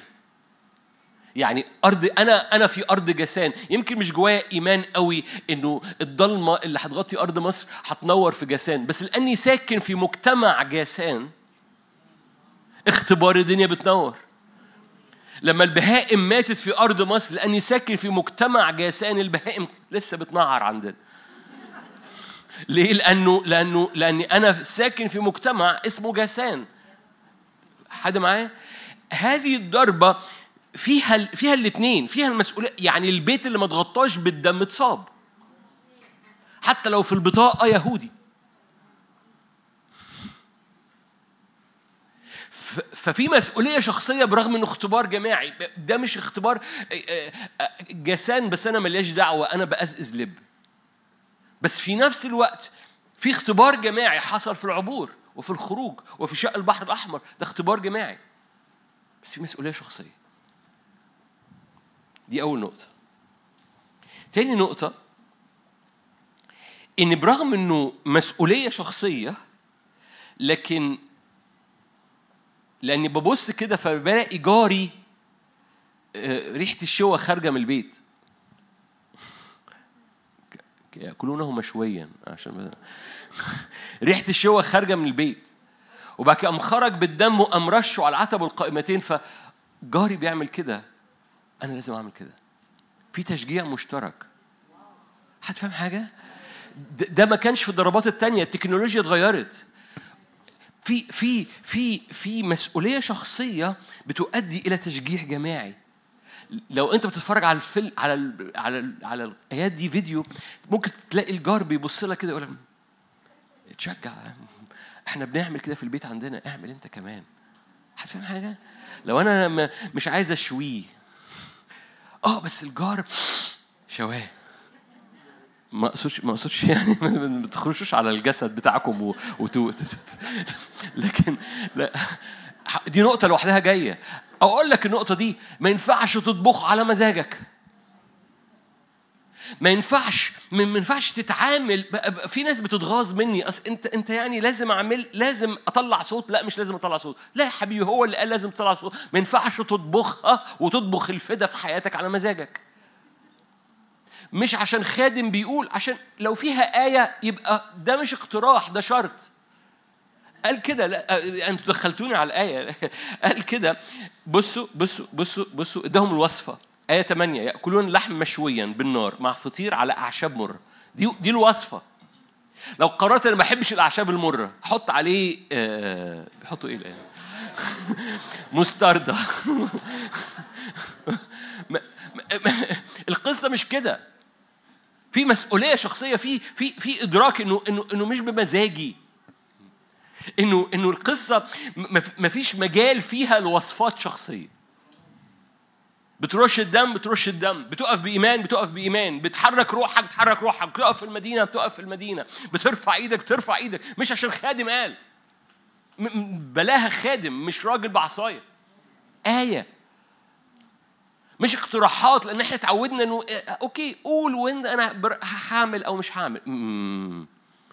قال له كده تاكلوا كده تاكلوا مشوي بالنار مع اكارعه وجوفه على أعشاب مرة. لا تأكلوا نيا لو قررتوا تطبخوا نيا أنا بحبه medium well لا تأكلوا نيا أو مطبوخ بالن... أو مش ما, ما, ما, ما, تسلقوش. بل مشويا بالنار. ففي في في في بصوا ما هنا المسؤولية هنا هنا الانتفاضة من مش شرط مش لازم هو يعني لازم. زي ما انت عايز. ف, ف... أوكي. فاكرين إحنا كنا بنتكلم عن الجار. ف... ف... ففي حاجة لأن الجار متحرك و... و... ومثبت وجهه ومثبت عينيه ومتحرك في ال track لأن كل واحد بيبني ب... بإدراك. مش بيتعدي من اللي جنبه ما عملش طب ما تعالي ما نعملش إحنا كمان. no no, دول بيعدوا بعض. تعالوا نعمل. بيعدوا بعض تعالوا نبني. بيعدوا بعض تعالوا نقتحم تعالوا تعالوا نرش الدم. تعالوا تعالوا نخدم مع بعض. تعالوا. حد فاهم حاجة؟ ففي مسؤولية جماعية وكل واحد متحرك فيها وهذه المسؤولية الجماعية بتؤدي إلى عدوى جماعية. اني ابص لجاري والاقيه بيرش الدم أنا هرش الدم برضه. دول آه، أنا بشوي برضه. ليه؟ لأنه في حاجة بتحصل في في ف اللي هو بنحرض بعضنا بعضا على التقوى. يكونش ده في كتاب مقدس.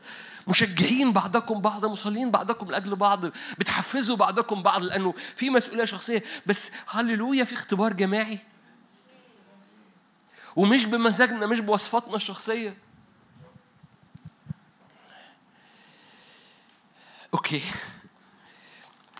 قلت لكم خروج تعالوا نفتح خروج 17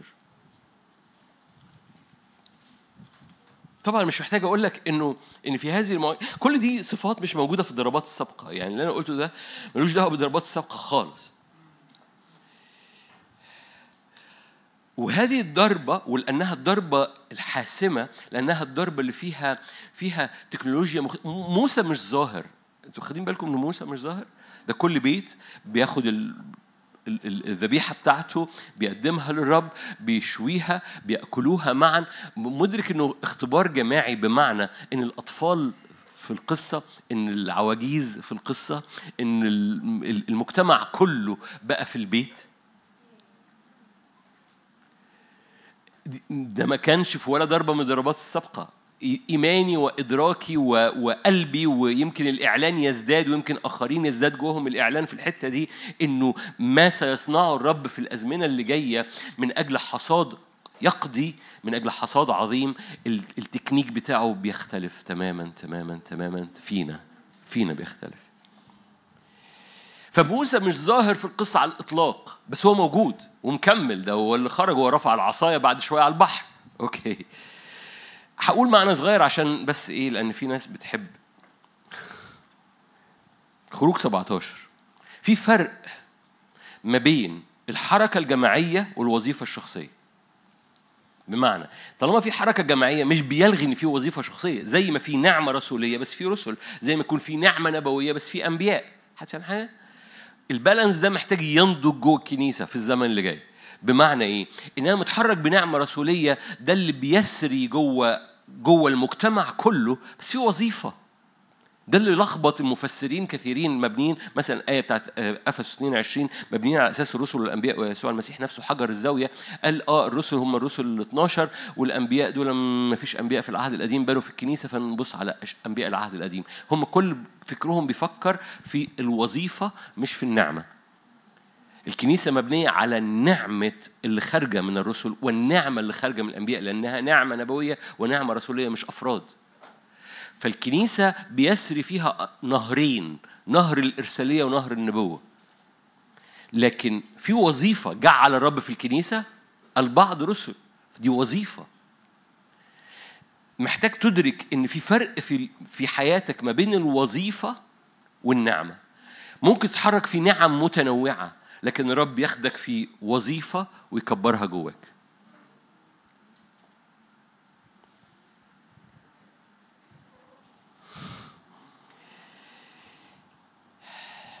امبارح قلت حضرتك من الفرسان اللي راكب فرس وهذا الفرس هو ال- الوديعة الموجودة في حياتك. هذه الوديعة متحركة في حياتك جاية من من من جزء جالي آخرين يقولوا لي أنا طب يمكن أنا مش عارف الوديعة اللي في حياتي. تيبيكال الشعب بتاعنا اللذيذ اللي هو إيه؟ دايما يشك في نفسه. تعرف حد بيشك في نفسه؟ اللي جنبك مش أنت. ممكن اخدك كل نعم موجودة في الكنيسة ممكن تعدي عليك. يعني في ناس شارب جدا. عارفين يعني إيه حادين جدا. ده مش عذر إنك ما تبقاش بتتحنن على الناس. ليه؟ لأن نعمة الرعاية معدية جواك شئت أم أبيت. لأن في ناس بتتلكك أصل أنا شارب أصل أنا عنيف أعمل إيه يعني؟ خلي النعمة تعدي جواك. حضرتك لو دقت النعمة نعمة نعمة التحنن هتعدي جواك. مفيش نعمة في الكنيسة مش بتعدي جوا كل واحد واحدة فينا. معظمكم بيهز راسه. okay أزنقك. اذا نعمة الكرازة معدية جواك كارز أو غير كارز. نعمة النبوة معدية جواك بتحب النبوة أو ما تحبهاش معدية جواك. نعمة التعليم معدية جواك. الخمس وظائف اللي في الكنيسة رسل أنبياء كارزين رعاة معلمين معديين جوا كل واحد واحدة هنا. ده غير الوظائف في وظائف بس في نعم خارجة من هذه الوظائف بتسري في الكنيسة بتعدي جوه أفراد الكنيسة. آه منهم حاجات تقوم كبرانة جواك. زي ما كنا بنحكي الأربع ولا السبت الراحم فبسرور فاكرين؟ المعطي فبسخاء النبوة فبالنسبة للإيمان. الليستة اللي موجودة في رومية 12 يعني ده بينفجر بينفجر جواك حاجات تطلع بس القصة كلها إن قلبك أنا بتتبع وراك يا رب ready أنا جاهز ها أنا ذا أنا واقف في المدينة. ورب يقوم مصفر في هذا الزمن للفرسان بتوعه. فالفرس اللي أنت راكبه تجده واقف في الصف في المكان مظبوط في المكان بتاعه aligned مظبوط باستقامة مظبوط ليه؟ لأن رب ينادي لصفوفه. رب ينادي لصفوفه. رب يستعرض جيشه الآية المشهورة. رب يستعرض جي... لأنه بينادي لأن ده الزمن اللي فيه ضربة مثل ضربات العشر أو م- مقابلة مع. مع الأرض مع جيش الرب لأن ده زمن مواجهة مثل هذه المواجهات أو الزمن اللي جاي يعني فمرة أخرى أنا بعمل مقدمة اللي أنا هقراه فمرة أخرى في فرق ما بين النعمة والوظيفة، النعمة لا تلغي الوظيفة والوظيفة لا تلغي النعمة، يعني إيه؟ لو في نبي مش معنى كده إن أي حاجة نبوية لازم نروح للنبي. أن أن. فين بتوع الأقصر؟ روحوا؟ كان في حد منهم مبسوط قوي لما بقول الجمل دي. ف ف مش معنى إن في نبي إن عايزين أي حاجة نبوية نروح للنبي. ليه؟ لأن نعمة النبوة ماشية في كل الجسد. ما ده الراجل أبو عصاية. أنتوا لازم تترجموا ك... ده الراجل أبو عصاية اللي إحنا بنغير. مش معنى إنه خلاص يبقى مش لازم يبقى كله يبقى نلغي الراجل أبو عصاية. الوظيفة لا تلغي النعمة والنعمة لا تلغي الوظيفة. أقول لكم أقول لكم قصة طيب أقول لكم قصة. أنتوا جمال. خروج 17 أقول لكم قصة جميلة. برضو محتاجين تتفرجوا عليها فيديو. قصة كلكم عارفينها م- لما قال موسى ليشوع خروج 17 9 قال موسى ليشوع انتخب لنا رجالا أخرج حارب عماليق غدا أقف أنا على رأس التلة وعصا الله في يدي. الراجل ابو عصايه أهو. ففعل يشوع بالمناسبة ده بعد الضربه العشرة دول بعد ما عبروا. فعل يشوع كما قال له موسى ليحارب عماليق فيشوع بيحارب تحته موسى فوق رافع إيده الراجل أبو عصاية. أما موسى وهارون وحور فصعدوا على رأس التلة كان إذا رفع موسى يده إسرائيل يغلب إذا خفض يده أن عماليق يغلب. لما صارت يدا موسى ثقيلتين أن أن. إذا الراجل أبو عصاية إيديه تقلت. أخذ حجر وضعاه تحته فجلس عليه ودعم هارون وحور يديه الواحد من هنا والآخر من هناك. فكانت يداه ثابتتين إلى غروب الشمس. ممكن تتفرج على على الآيات دي فيديو؟ ما أعرفش عنك بس في رد فعل ثالث ما حصلش في هذه القصة. دلوقتي موسى فوق أبو عصاية. راح لما هقابل موسى في الآخر هيقول لي أنت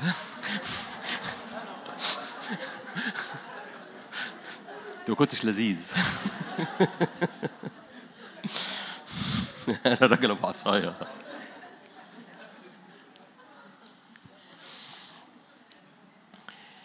فموسى فوق رافع العصاية ولما موسى يرفع يده كان كان الشعب الرب يغلب. لما كان ينزل كان عماليق يغلب. أوكي. يداه تقلت. أنا حور أنا هارون. أنا حور. ماشي. ويدين موسى تقلت. عندي رد فعل تاني. عنك يا ريس. مش كده؟ عنك يا ريس. هساعدك. هات العصاية. هتفهم حاجة؟ في فرق ما بين الوظيفة دي وظيفة موسى والنعمة. النعمة ما بتلغيش الوظيفة والوظيفة ما بتلغيش النعمة. هتفهم حاجة؟ المهم جدا إنك تدرك إنه إنه إنه حد تعب آه نو no. في وظيفة وفي نعمة النعمة هي ال- بالمناسبة ما فيش وظيفة من غير نعمة ولو أنت فقدت النعمة فقدت الوظيفة فاللي بيشي بيحطك في الوظيفة أو بيشيلك من الوظيفة هو سريان النعمة اللي ماشي في الوظيفة ده اللي بيحدد الوظيفة لو لو حد بيقول أنا رسول ومفيش أي نعمة رسولية متحركة فيه يقول للصبح يقول في ميريلاند مش معنى ميريلاند؟ مش عارف في أي جنينة يعني. في أي جنينة؟ يلاقي له جنينة يقول فيها أنا رسول. ف- فالقصة ان طول ما النعم عشان كده الوظائف دخلنا في حتت جميلة. عشان كده الوظائف الروحية مش وظائف كنت هقول تعبير خليني أقولها و... و... مش وظائف تعيينية. هستعمل تعبير مجعلص أكتر. وظائف الكنسية تميل إنها تبقى وظائف تعيينية. بس وظائف الملكوت هي ليست تعيينية لكنها معتمدة على سريان تيار النعمة في الوظيفة. لأن ياما اتعين حد في وظيفة وبع... لأن على حياته نعمة ماشي؟ وبعد شوية النعمة قلت أو النعمة اتقفلت. بس هو دي وظيفة خلاص. آه. لبست موظف. القصة كلها في الملكوت إن القصة النعمة هي اللي بتحافظ على الوظيفة غياب النعمة بيلغي الوظيفة حتى لو أنت بتهاتي وتقول أنا رسول. ده اللي بيخلي في الملكوت ولاد الرب في حالة اعتماد مستمر على النهر. تشرب من النهر في الطريق لذلك إيه؟ ترفع الرأس. ارفع رأسك يا أخي طول ما أنت بتشرب من النهر في الطريق. مش هتشرب من النهر مفيش رفعة رأس. هتفهم حاجة؟ لأن هي مش وظيفة تعيينية هي وظيفة نعمة بتسري في في عمل الروح القدس اللي بيحصل جواك. فأنت في حالة مستمرة بتصرخ نعمة نعمة نعمة نعمة. هتفهم حاجة؟ والنعمة اللي معدية دي آه في وظيفة فموسى أبو عصاية حور وهارون مش بياخدوا منه العصاية بيسندوا العصاية لأن دي وظيفة موسى لكن في نفس الوقت هذه النعمة معدية جوه كل الجسد معدية جوه كل الضربة كنت هقول الضربة القاضية الضربة العشرة. لأن في الضربة العشرة موسى مش ظاهر. ده اختبار جماعي بيحمل مسؤولية شخصية بس مسؤولية مشجعة لبعض الآخر والشعب كله بيأكل أحقاءه مشدودة. ليه؟ لأن ها بريك ثرو جاي. اختراقة جاية. جاء وقت ظهورنا. ليه؟ لأنه إلى حين ظهوره قعد بينمو في الروح في البراري إلى حين إيه؟ ظهوره. فحفزوا بعضكم البعض شجعوا جدا. وتبص اللي جنبك وأنت شايف إنه ده البيت اللي هيعدي ودي الأخت اللي هتعدي وده البطل اللي هيعدي وأنت هتعدي. و, و, و حماسة جماعية لو جاز التعبير حماسة جماعية لأن هنا في خروف هنا في خروف هنا في دم وهنا في دم وفي حاجة بتحصل. عشان أختم أنا طولت. أنا قلت هقول آه، آية واحدة كمان. مز...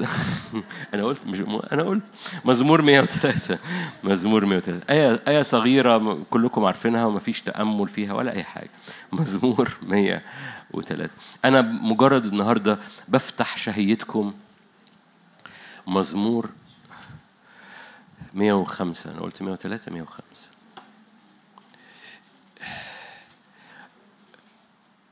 أنا بفتح شهيتكم للاختبار الجماعي. وأكد لحضرتك اختبارك الجماعي هيبقى أكبر اختبارك الشخصي هيبقى أكبر وأنت مصدق في الاختبار الجماعي. أنا عندي مشكلة في بيتي. صدق في اختبار جماعي إن بيوت شعب الرب تتملي نور في ارتباطاتها في بركتها في علاقاتها في أيامها في نفسيتها. وصدق في الاختبار الجماعي بيتك هيتملي نور أكتر من اللي أنت بتطلبه لنفسك. فافتح شهيتك للاختبار الجماعي والمدينة بتحمل بعد الاختبار الجماعي لأن مفيش مدينة حد قاعد فيها لوحده. والمدينة كل المشهد فيها لأن فقط في المدينة ترى الرب وجها لوجه. والرب يغير تكنولوجية اخ- الاختبار الشخصي لاختبار مدينة عشان هو يريد أن يطلق اختبار جماعي في البلد. تخيل معايا تخيل معايا تخيل معايا. ده ده ده ده ده حلم. أنا بقول حلم يعني عشان مؤدب. إنه إنه كنيسة بلدنا كلها تتواجد في المدينة كلها بتصدق في مجتمع مجتمع الله فيها بدون جزر كلنا واحد. وكنيسة بلدنا بتصدق بنقلة حضور نقلة مجد نقلة اختبار جماعي من النور من البركة من الخلاص. كل مرة يكلموا حد ناس تقبل الرب كل مرة يصلوا مع حد ناس تخف تفتكروا هيحصل إيه في روح الموت اللي في بلدنا؟ ما الضربة العشرة مربوطة بالموت وأقوى قوة في بلدنا هي الموت. من الموت الأمراض. عشان كده مرض ما مما وضعته على المصريين لأنه المصريين مشهورين بالأمراض لأن المصريين مشهورين بالموت وعبادة الموت. إيه اللي كسر الموت هنا؟ اختبار مسؤولية شخصية بس اختبار جماعي. مفيش راجل ماشي بعصاية. لكن لكن في دم بوصفة إلهية بيترش على حياتنا. وبنأكل احقائنا مشدودة ليه؟ لأن في اختراقه بتحصل في Passover في عبور. مزمور مية. أنا أنا أنا قلت لكم حلمي. هي. مزمور 105 مزمور 105 آية كلكم عارفينها. فاكرين ابتدينا هذه الأيام بآيات فرعون لما قال رئيس هذا العالم لما قال إذا حدثت حرب. هي في حرب. هي. أنا بقول في حرب. لأن فرع رئيس هذا العالم خايف إنه شعب الرب يشن حرب. زي ما قلت لكم إن إحنا بيحصل علينا إن إحنا نسخر بإذلال من أجل بناء مخازن رعمسيس ده مش حرب ده مجرد إذلال بيسلينا بأثقال دي مش حرب ده مجرد بيسلينا علشان ما ندركش الهوية الملوكية ونقف ونقول إحنا هنشن حرب. إذا حدثت حرب ينضمون إلى أعدائنا ويحاربوننا ويخرجون من الأرض أو يصعدون سوري ويصعدون من الأرض. هختم بهذه الآيات. كلكم عارفينها. آية 37 فأخرجهم. تقدر بقى فأصعدهم. هم. بس بالمناسبة هنا الكلمة عبري غير أصعدهم. يعني فعلا خروج هنا. فأخرجهم بفضة وذهب. ولم يكن في أسباطهم ده اختبار جماعي.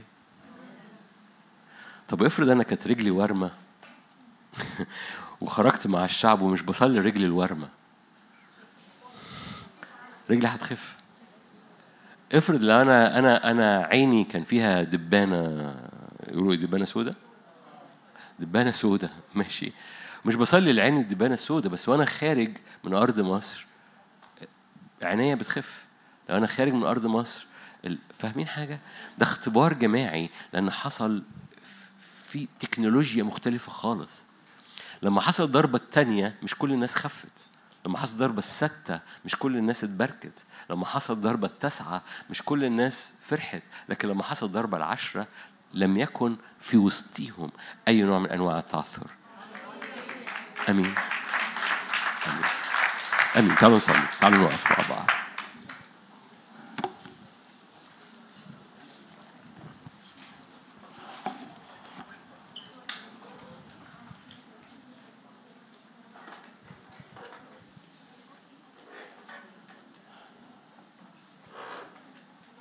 إلى كل نعمة إلى كل نعمة.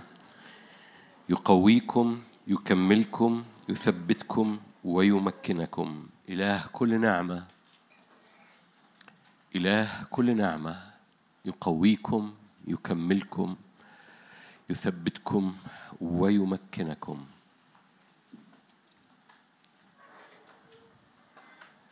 كل عطية صالحة كل هبة تامة هي نازلة من فوق. أبو الأنوار. كل عطية صالحة كل هبة تامة نازلة من فوق من أبو الأنوار. الذي ليس عنده تغيير ولا ظل دوران. مد إيدك معايا.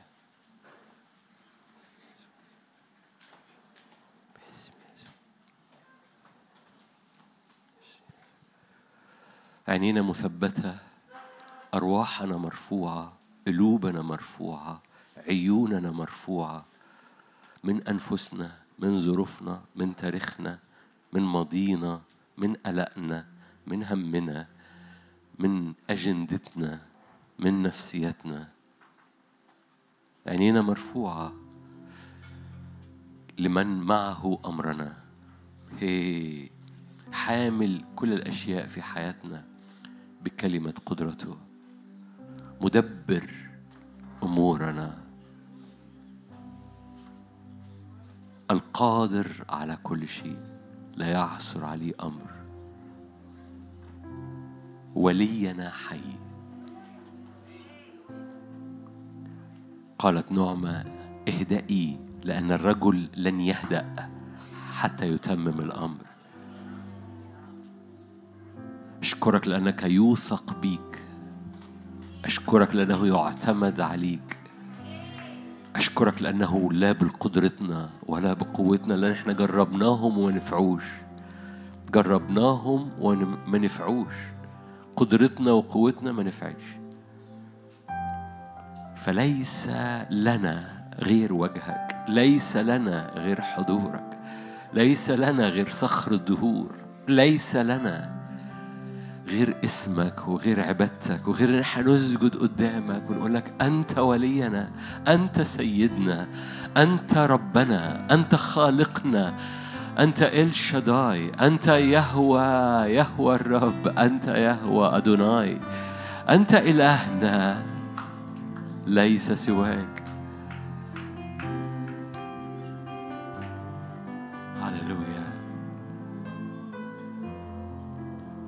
هللويا تأملوا قصورها. في في في زيت ملوكي في المدينة في زيت ملوكي. في زيت ملوكي بيمسح الخزي بيمسح الصور السلبية والمسكنة. المسكنة من فضلك انفض المسكنة انفض الشفقة على النفس. من فضلك. ده ده ده انت مدعو لقصور. تأملوا في قصورها. عدوا أبراجها مدينة الرب العلي. هللويا. مدينة الرب العلي كما سمعنا هكذا رأينا في مدينة الرب إلهنا.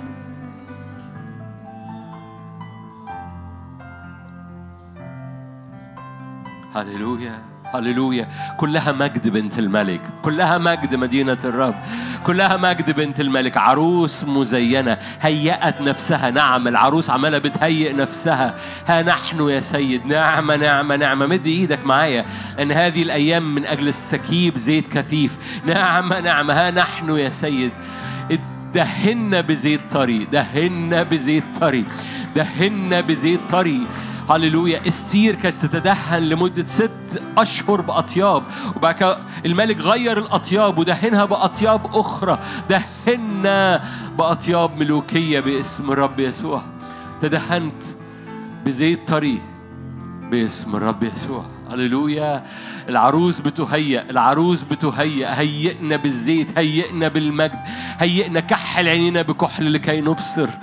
باسم الرب يسوع. أؤمن أؤمن أؤمن أؤمن أؤمن أؤمن بنقلة في الإبصار الروحي. اختبار جماعي للإبصار الروحي. كل حاجة حصل ليها النهارده حصل ليها من أجل اختبار جماعي. لما حصل لي من أجل شفاء شفاء جماعي. حصل لي من أجل رؤى حصل لي من أجل رؤى جماعية. حصل لي من أجل أبواب مفتوحة حصل لي من أجل أبواب مفتوحة جماعية. باسم الرب يسوع. إيماني إن المدينة بيحصل فيها اختبارات جماعية. باسم الرب يسوع. باسم الرب يسوع. هللويا.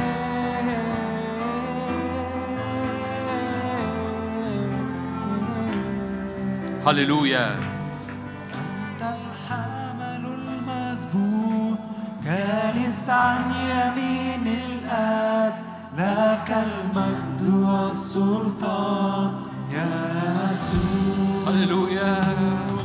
أنت الحمل المسبوح جالس عن يمين الآب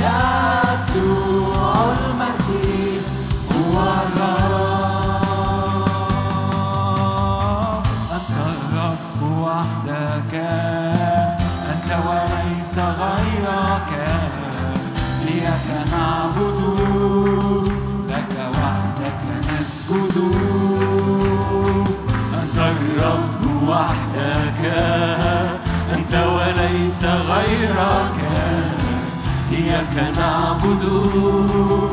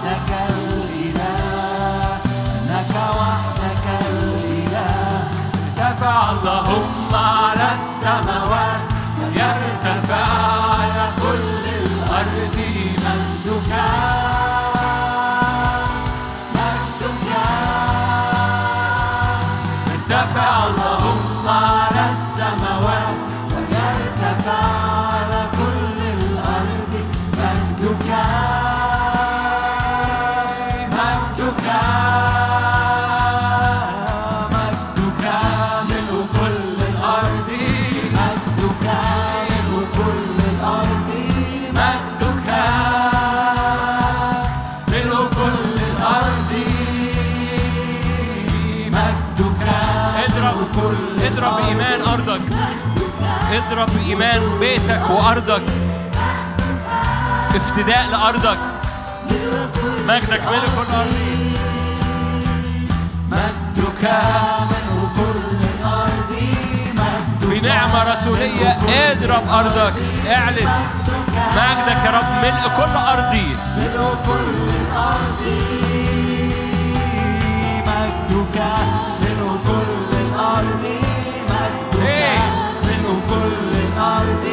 my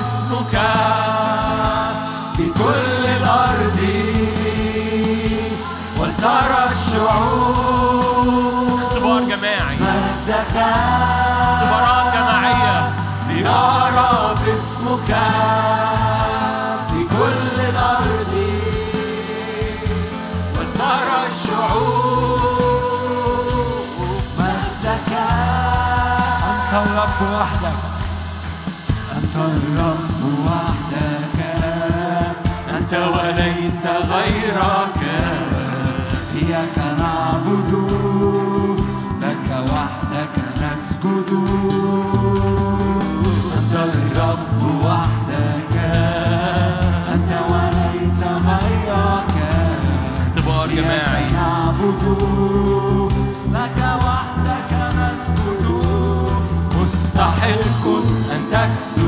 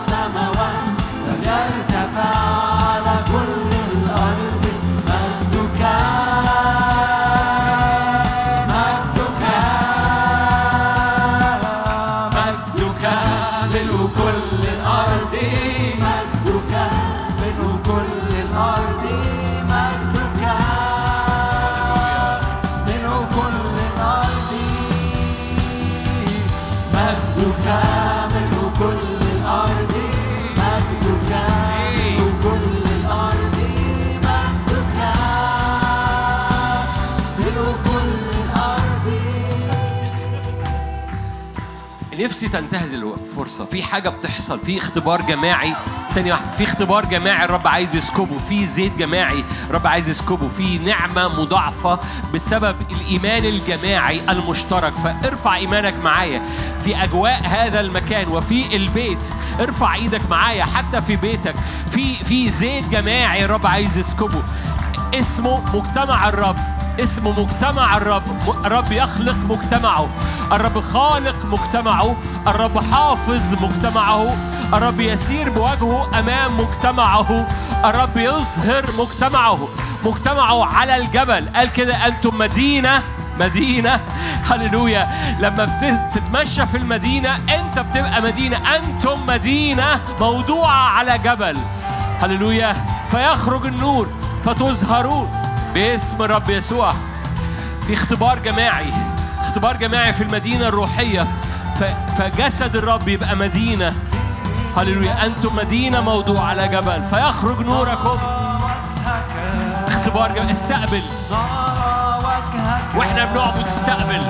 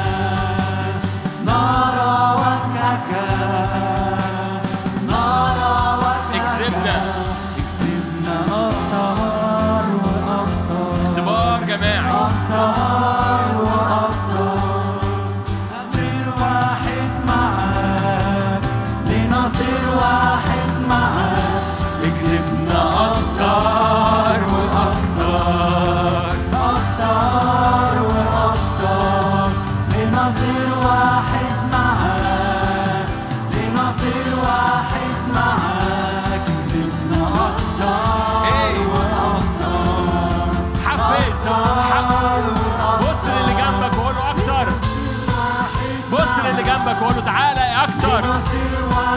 بيكذبنا وراه اكذبنا أكتر. وأكتر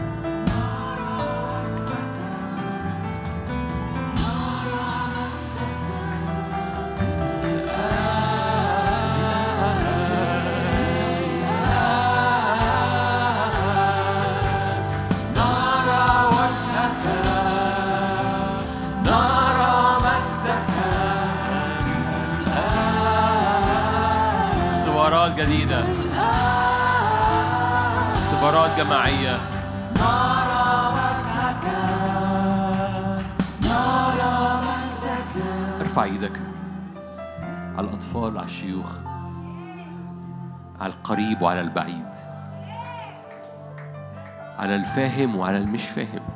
حتى الجهال لا يضلوا هللويا! هللويا! نعم مجتمعات من المجد فيها حتى الجهال لا يضلوا طريق مقدسة حتى الجهال فيها لا يضلوا مجد الرب. مجد الرب. لا يصعد عليها وحش. أسد لا يوجد هناك. مدينة قوية.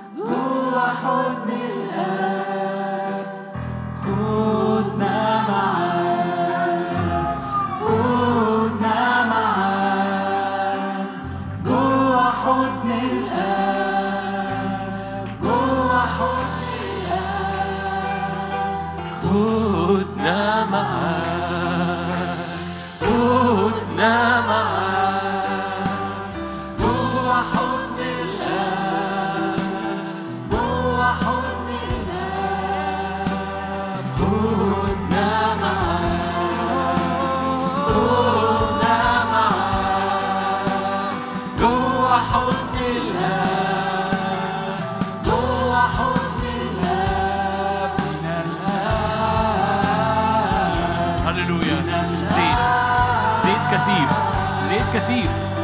نرى وجهك دهنة كثيفة. تتلف الأنيار بسبب الدهنة. لا أنيار حزن. هللويا زيت كثيف إيه. نرى وجه من الآن.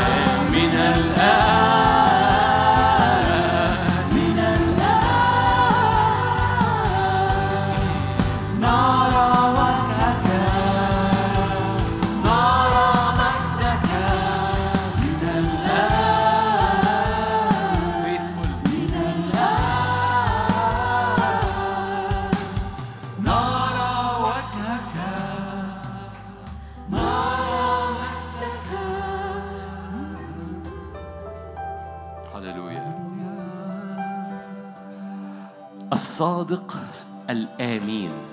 هللويا. هو الصادق الآمين. أنا بعلن هذا الاسم علينا وعلى هذا الإعلان وعلى هذا الاجتماع.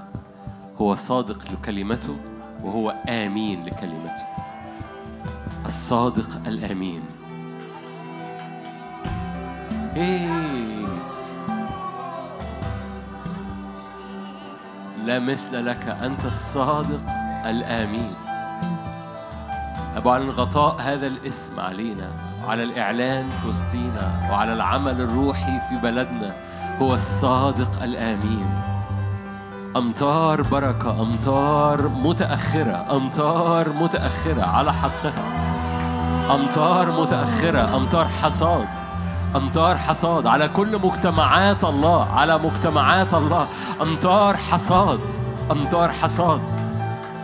أمطار حصاد مطر متأخر على حقيقة مطر الوبل اطلبوا المطر في أوان المطر المتأخر. فأعطيكم المطر على حقه.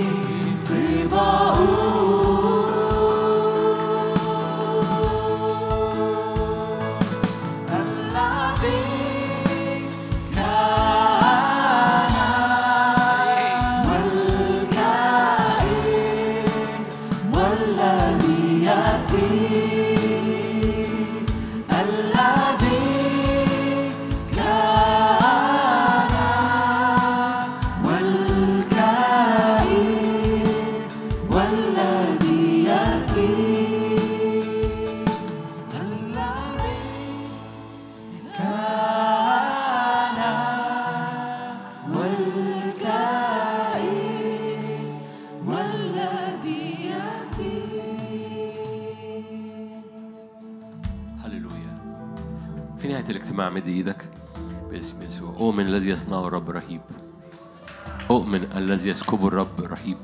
أؤمن أؤمن أن في العمق في المياه العميقة زي ما يوحنا المعمدان كان ينمو ويتقوى في الروح في البراري إلى حين ظهوره. هللويا هللويا هللويا. لأنه ظهور الرب فينا يقين كالفجر. ظهور الرب فينا يقين كالفجر. أبناء الله الظاهرون ظهور الرب فينا يقين كالفجر.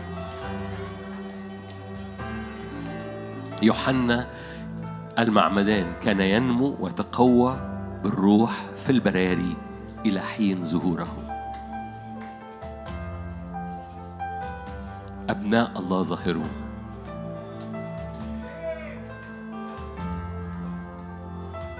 بنستقبل يا رب نور. بنستقبل نور على كل أوضة فينا بنستقبل نور على كل خلية فينا بنستقبل نور على كل فكرة فينا بنستقبل نور على عينينا على قلوبنا على مشاعرنا بنستقبل نور على عقلنا الباطن وعلى أفكارنا بنستقبل نور على بيوتنا أما بيوت شعب الرب كانت مليانة نور. بنستقبل نور على طريقنا على طريقك يضيء نور باسم الرب بنستقبل نور على على على المجتمع. مجتمع مليان نور على على على مجتمع الله. على مجتمع الله. بنستقبل نور باسم الرب يسوع. هللويا. استقبل معايا نور خارج من بؤرة النور يسوع المسيح. شمس البر. استقبل كوكب الصبح استقبل نور على أرضك استقبل نور على أيامك ولو في حتت مظلمة تنبأ عليها نور. قوم الضلمة بالنور النور أقوى من الضلمة الضلمة لا تقوى على النور. فالآن تنبأ معايا أنوار على النفسية أنوار على الأحشاء أنوار على الخدمة أنوار أيا كان نوع خدمتك مكان خدمتك أنوار. باسم الرب يسوع صلي معي أنوار. تنبأ نور اضرب بالنور على كل حاجة. باسم رب يسوع لتمتلئ أجواءنا أنوار لتمتلئ بلدنا بمدينة مليانة نور. هللويا. الجالسون في الظلمة يبصروا نور عظيم. اتملي نور اتملي بالنور باسم الرب يسوع. الجالسون في الظلمة أبصروا نور عظيم. هللويا. استقبل هذا النور في خلاياك استقبل النور في عينيك استقبل النور في نفسيتك. وقول يا رب اطلق هذا النور بقوة باسم الرب يسوع. هللويا.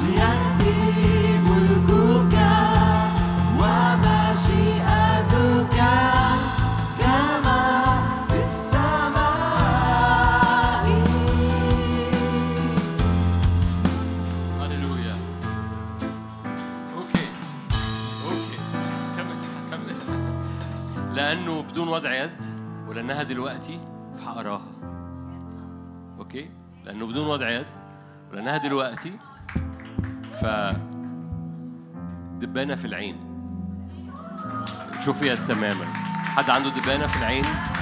دبانة السوداء اللي في العين شفيت تماما في بيدور عليها مش موجودة في عينيه لأنها بدون وضع عد لأنها دلوقتي. فأنا عايز أشجعك. الاختبار الشخصي قوي جدا في الاختبار الجماعي. الإيمان الجماعي بيعمل اختبارات شخصية بدون وضع يد أمين؟ فتشجعه. كمل عبادة. مجدا للرب.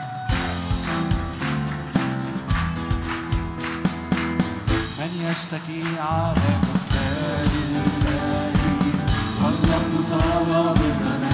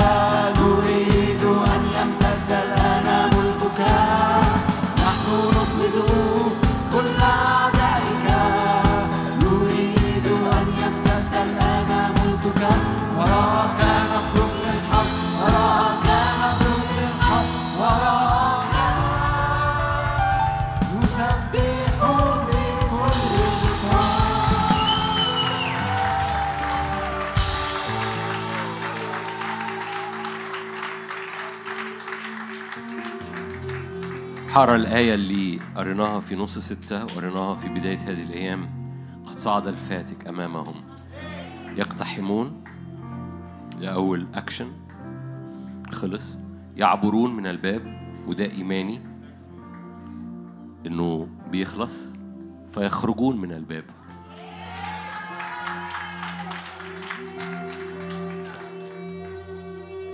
يجتاز ملكهم أمامهم. والرب في رأسه. آخر صلوة نصليها ومش عارف بقى فريق عايز يرنم تاني ولا إيه. زي ما اتفقنا إن خروج شعب الرب زي ما اتفقنا إن هو خروج رأسي لفوق فهو صعود يصعدوا عن الأرض. وإيماني إن ال lifestyle طبعا الآية بتتكلم عن حاجة تانية أنا واخدها للصلاة. ف ف زي ما اتفقنا إنه خروج أو الصعود دي حالة بنفضل فيها لغاية ففي آية كده جميلة مزمور 105 يقول لك فرحت مصر بخروجهم. إيماني إيماني إيماني إيماني إيماني إنه حركة شعب الرب لفوق هتفرح أرض مصر. القصة القصة مش عشاننا القصة مش عشاننا القصة إنه بحركة كنيسة الرب اللي فوق أرض مصر بتفتت أرض مصر طبعا الآية بتتكلم عن حاجة تاني. مصر ما صدقت إن الشعب ده خرج. دي قصة تاني. لكن أنا باخدها بطريقة روحية دلوقتي. إن مصر يترفع من عليها ظلال حزن ظلال شكوى ظلال موت ظلال مرارة لأن في شعب موجود جوه هذه الأرض بيتحرك في قيامة الصعود أو في صعود القيامة. بيتحرك في في في حركة رأسية للمدينة. وده بينور على مصر بينور على أرض مصر بيفرح أرض مصر بنور. فرحت مصر بالحركة دي بخروجهم بصعودهم ب... أمين أمين. فتعالوا نرفع إيدينا من أجل مصر. املى مصر نور. املى بلادنا نور املى بلادنا حياة املى بلادنا قيامة. اكسر ظلال الموت اكسر ظلال الحزن الاكتئاب. اكسر ظلال الشكوى والمرارة اكسر ظلال ال... الأنانية وال اكسر ظلال ال- ال- اللي كل حد بيجيب التاني لتحت. اكسر الظلال دي من علينا فنكسر الظلال دي من على اللي حوالينا. لأن جزء من الطبيعة المصرية إن يجيب اللي قدامه تحت يقلل من اللي قدامه باسم الرب يسوع. انقل ده من على الكنيسة. نشجعين بعضنا بعض. املى كنيستنا. املى كنيسة مصر. مش كنيسة يعني. املى كنيسة مصر ب بهذا النور بهذا الرحب بهذه الراحة باسم الرب يسوع. فتفرح مصر بصعود هذا الشعب ووجوده في المدينة باسم الرب يسوع. هللويا. باسم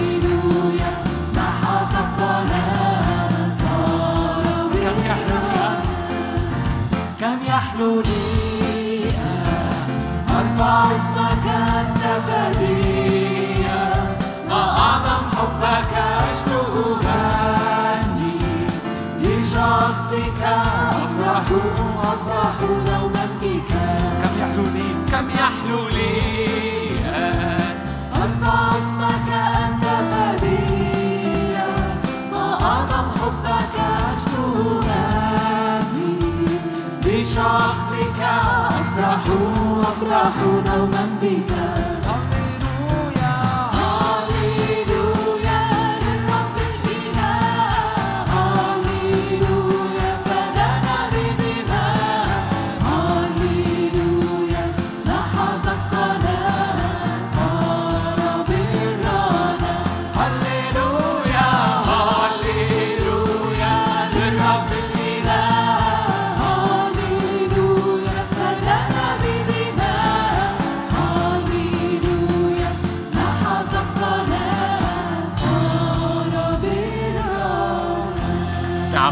تسقيفك للرب قدم نعظمك بنسبحك. هللويا. سوف نرى أعظم سوف نرى أعظم سوف نرى أعظم سوف نرى أعظم سوف نرى أعظم. يا رب بنعلن إيماننا سوف نرى أعظم لأن الذي أنت تصنعه مع كل حد هنا مع كل حد هنا. اختبارات جماعية اختبارات في البيوت اختبارات في الشغل اختبارات في الخروج وفي الدخول وفي الحرب اختبارات جماعية مليانة مجد. اختبارات جماعية مليانة نعمة باسم الرب يسوع. وتنور في بلدنا. فرحة مصر فرحة مصر فرحة مصر. املى مصر فرح باسم يسوع باسم يسوع. محبة الله الآب نعمة ربنا يسوع شركة وعطية الروح القدس تكون معكم تدوم فيكم من الآن وإلى الأبد. آمين. آمين.